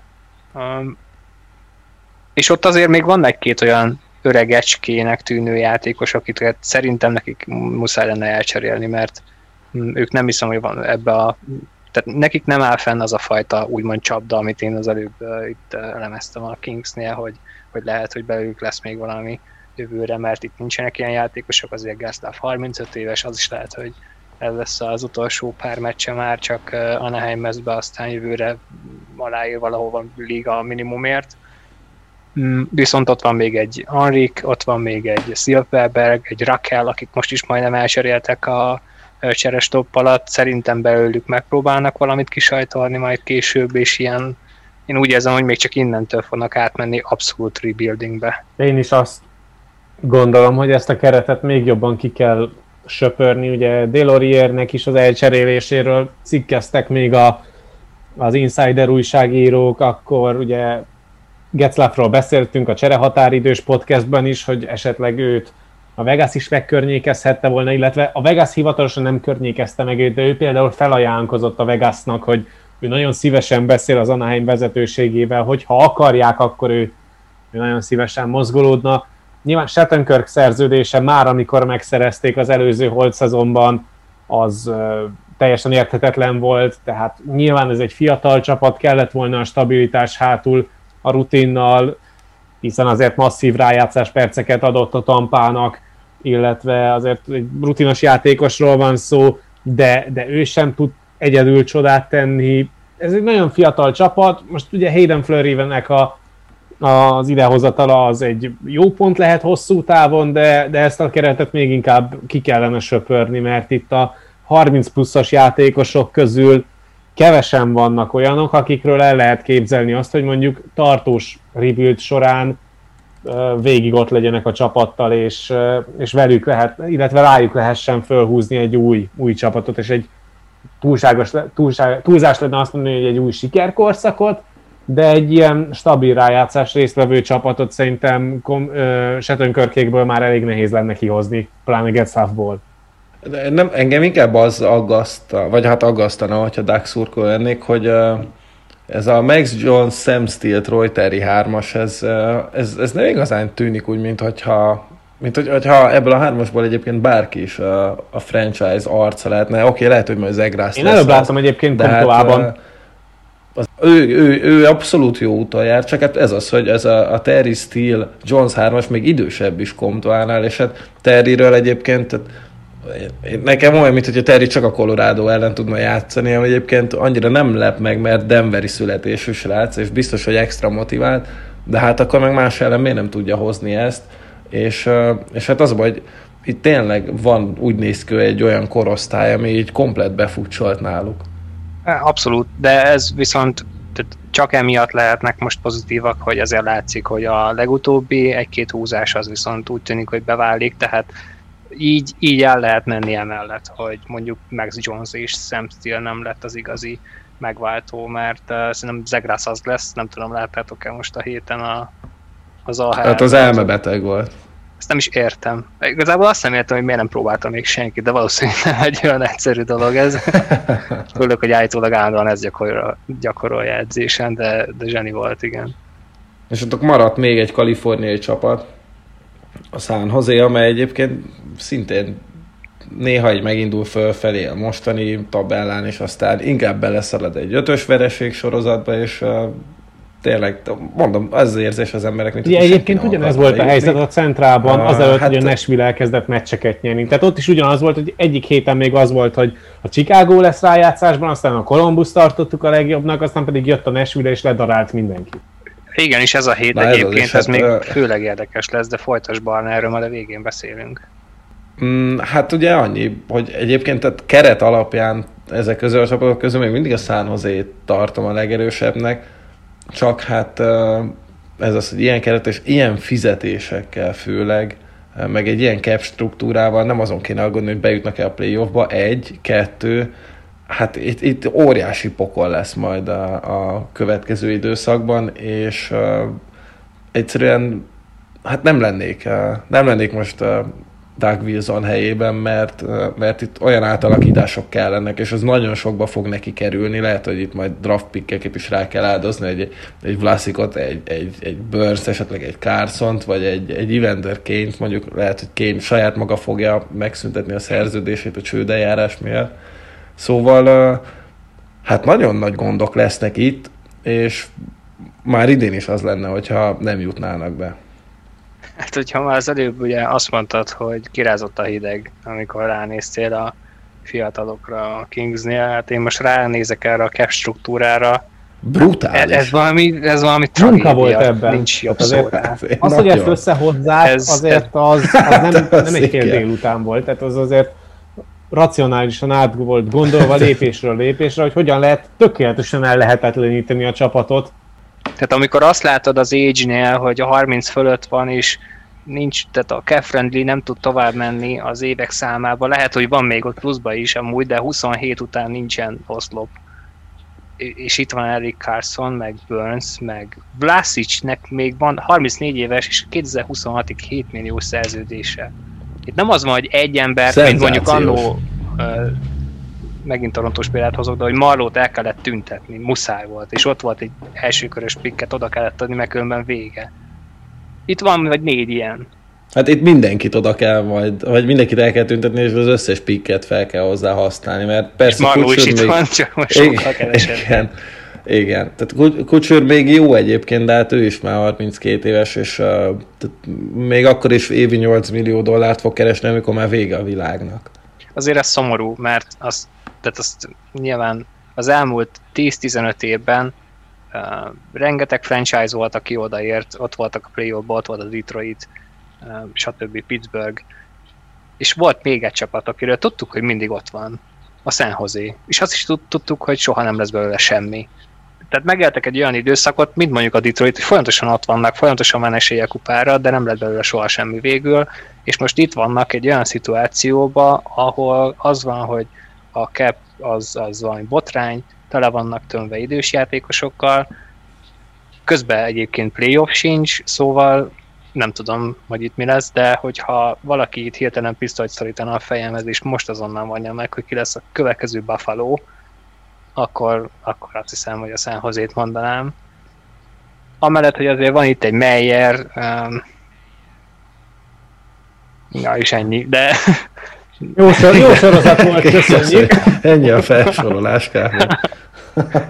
Jó belekezdtem ebbe a mondandóba, de hát ez kemény menet lesz. Igen.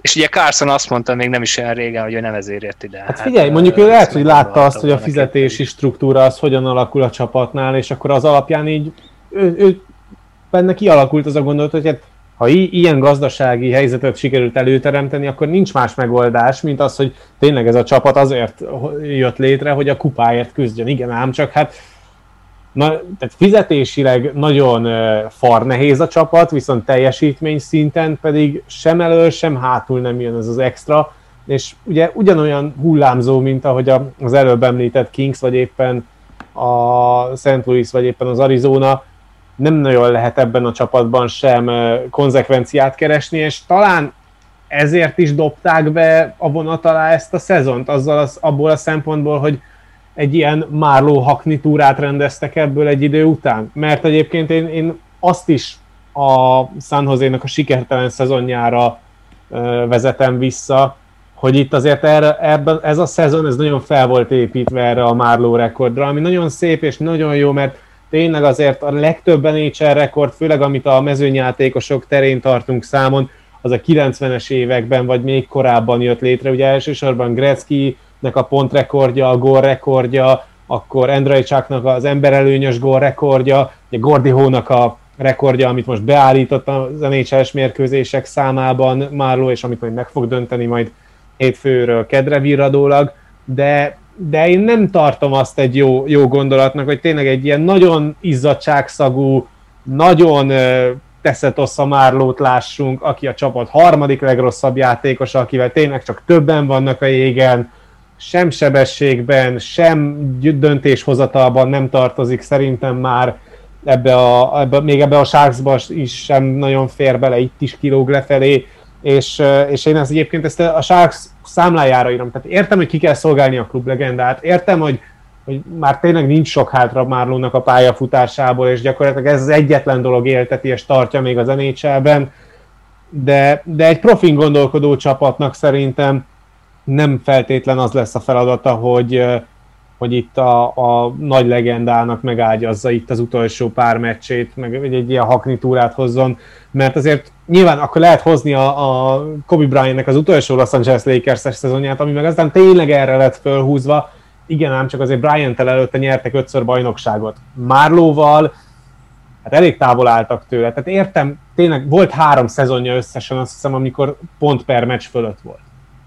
Tehát nem, nem érzem egy súlyban a kettőt, de, és ez engem zavar. Egy... Mert ebben a Sharksban lehet, hogy több lett volna, hát, hogyha mondjuk meccsenként nem tölt 15 percet a jégen már öltözöttben. Én nem, nem gondolnám, hogy uh, itt Márló ment el. Egyébként hát akkor van egy rossz hírem, szóval ő nem akar visszavonulni. Oké, okay, hogy csak egy éves szerződés van, de mm, de ő, ő nem úgy gondolkozik, hogy akkor ugye most lejátsza, vagy lejátszottam mondjuk mire ez adásba kerül a, a rekordmeccsét, és talán azonnal abba hagyja, szóval uh, ő még, ő még továbbra is szeretne játszani, és olyan állapotban is érzi magát. Más kérdés, hogy azért valóban uh, hát most már inkább ilyen bottal képes közlekedni a jégen, de szerintem még vele együtt is be kellett ne jutni ennek a csapatnak, mert a top 6 szerintem arra még úgy rá lehet fogni egy playoff matéria, a védelem főleg. Hát jó, mondjuk van egy Martin Jones a kapuban, ami sose garancia semmire. Jó, de akkor, akkor uh, legyen az, hogy nem Márló de nem hiszem, a, a fő hogy, hogy nem, ez, ez, ez nem Márló múlik. Sorban, hogyha a playoffért mész. Hát mert védekezni már kevésbé tud, mint régen. Hát még lehet akkor sem nagyon tudott, de egyébként maga Ó, az, de azért, azért régen, régen ő egy, ő egy, egy top védekező csatár volt. Igen, de egyébként ezt a play meg nyilván, ahogy, tehát, amit már mondott uh, Isti is, ott az, az valahogy soha se sikerült. Ettől függetlenül én sem gondolom azt, hogy ez már volt itt, itt rengeteg minden összedölt, és nem úgy sült el, ahogy gondolták, bár, bár én eleve nem értem, hogy miért erőltetik ezt a dolgot már vagy két éve, ott volt a kupa, szerintem azután ezt így el kellett volna felejteni, ezt az egész keretet. és újjáépíteni, és akkor talán nem itt állnánk, hogy, hogy le van foglalva még 2027-ben is, vagy 30 millióak ebből, most túloztam egy picit, de nagyon messze nem vagyunk. Márlóhoz azért még hozzá kell tenni, azért csak mondjuk el, csak egy, ezért egy igen komoly nature rekord lesz most pár óra múlva.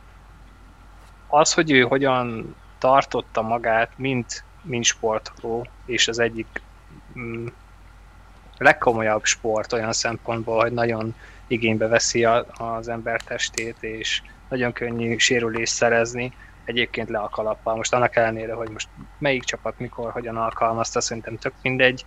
Tényleg egy ilyen, egy ilyen robotatléta, aki képtelen megsérülni, képtelen veszíteni igazából a, abból az erejéből, ami, ami ide került, ami miatt ide került az NHL-be.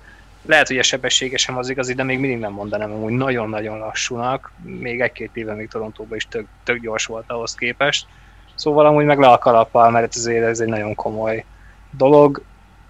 Az, hogy, az, hogy megelőzi Hout, persze ő közben töltött vagy öt évet még egy másik ligába is, szóval az egy másik rész. De az, hogy 2021-ben valaki ezt megdönti, le a kalappal. Én azért egy nagyon picit remélem, hogy a következő ilyen talán Ovechkin lesz, és nem csak erről a úgynevezett hakniról kell majd beszélni, hanem talán arról is, hogy, hogy a világ legkomolyabb rekordját megdöntheti. Én még mindig szurkolok, hogy az a Gretzky rekord legyen elkapva. Az lesz a következő. És ugye Márlót, nyilván itt most elkésztem egy kicsit, Igen. de valóban azt, azt mindenképpen nem lehet tőle elvitatni, hogy, hogy mennyi munkát tett bele.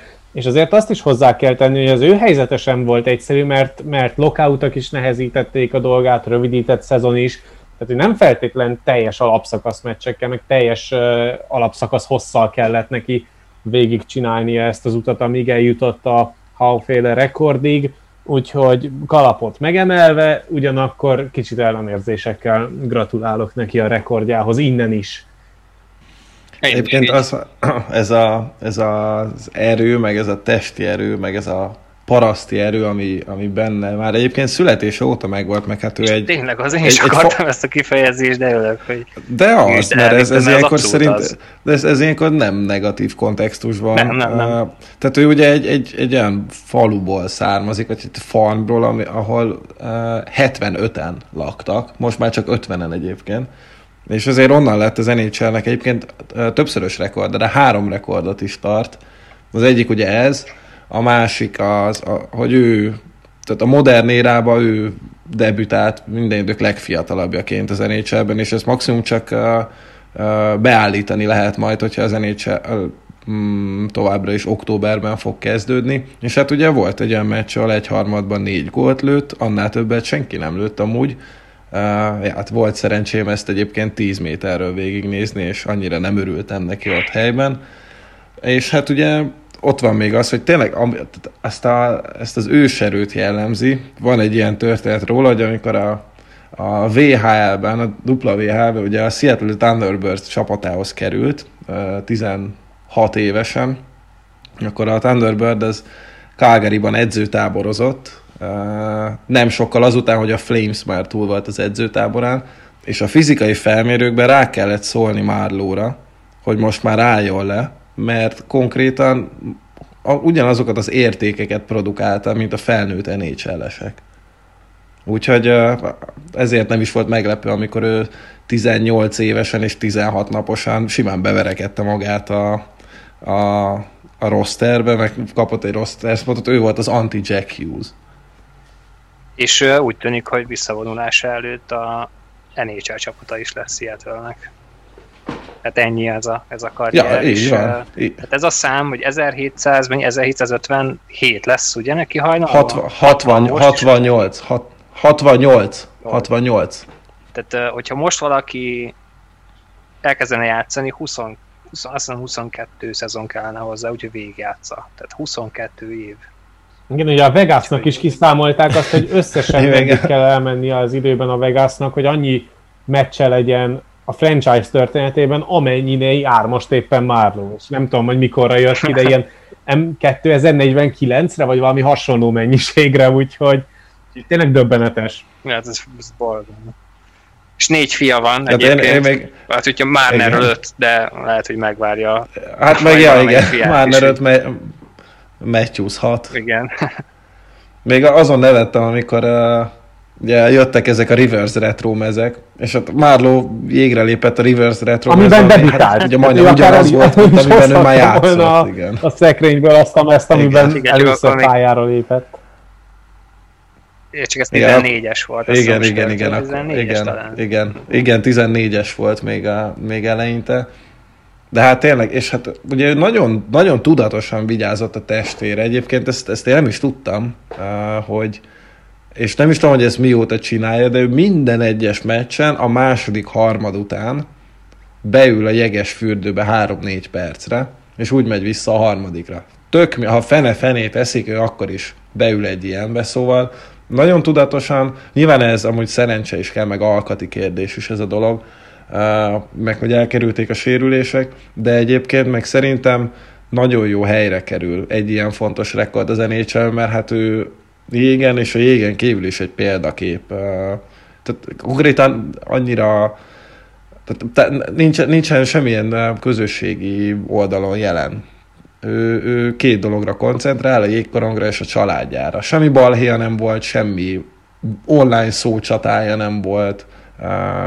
Tényleg egy, egy olyan, olyan karakter és személyiség, aki megérdemli, hogy, hogy egy ilyen nagy rekordot legalább ő tartson. Jeremy Rönikkel volt egyszer egy összeszólalkozása, amikor hát azt mondta, hogy hát ugye Rönik mondott valamit, teljesen kiakadt valamiért a, a csapattársára, és akkor mondta a Márló, hogy hát nem hallja, hogy mit mond Rönik, mert hogy a két olimpiai aranyérme éppen eltakarja a fülét, és emiatt a hallójáratai nem működnek. Mondjuk ezt, ezt lopta, ezt, ezt lopta eh, Patrick Roától, de Roát bármikor lehet idézni. Egyébként a, a felesége van fent Twitteren is, Instán igen, is. igen. Instán azt hiszem mm, blokkolva van, de egyébként, hogyha bejelöli valaki, szerintem készsége. Engem visszajelölt, úgyhogy én látom, hogy oda mit rak ki, de, de folyamatosan posztol, nagyon büszke anyuka és feleség, meg, meg tényleg aranyos család így, így kívülről. Igen, szóval hát jó rájuk nézni, a kupa hiányzik, uh, valószínűleg ez már ez a pályafutás anélkül ér véget, de ő is azt mondta, hogy ő majd akkor, amikor vissza fog gondolni a pályafutására, akkor csak az lesz neki a fontos, hogy azt, azt tudja mondani, hogy ő mindent kiadott magából. Egyébként Marner pont most És rakott hát fel Instára egy sztorit, ahogy a kocsiba táncol Matthews, ő Mar- Marló és a két kicsi fiú, meg meg az ilyen karácsonyos összejövetelek. E, egyébként ez is sok mindent elmond Marlóról, hogy ennyire a szárnyai alá vett az akkor még nagyon-nagyon tényleg csikó ö, sztárokat. Igen, és hát a Matthews is elmondta róla, hogy a rengeteg, rengeteg segítséget kapott, és hát ugye fejlődés szempontjából, és mind személyiség, mind játéktudás szempontjából azért a Márló komoly szerepet játszott az ő életében. Úgyhogy akkor gratulálunk Márlónak, mert ezt mire ti majd meghallgatjátok, addigra egyedül övé lesz ez a rekord, és, és tényleg örülünk neki, és hát még ezért sok sikert a továbbiakra, bár hát ki tudja, hogy meddig fogja még folytatni. Uh, Szabi, Isti, örülök, hogy negyed századosak lettünk, úgyhogy uh, most már csak mennyi? 1740 1743 kell, és beérjük Márlót. Úgyhogy innentől uh, kezdve egy másodperces adásaink lesznek, majd hallgassátok. Igen, de szerintem még így hát, is nekünk úgy, hamarabb igen, meg lesz a, a podcast, mint a Vegasnak a meccs szám. Na, legyen így, legyen így, ez egy tökéletes végszó volt. Köszi szépen, hogy itt voltatok, és a hallgatóknak is köszönjük, hogy hallgatnak minket folyamatosan. Isten tarts meg jó szokásokat! Sziasztok! Sziasztok!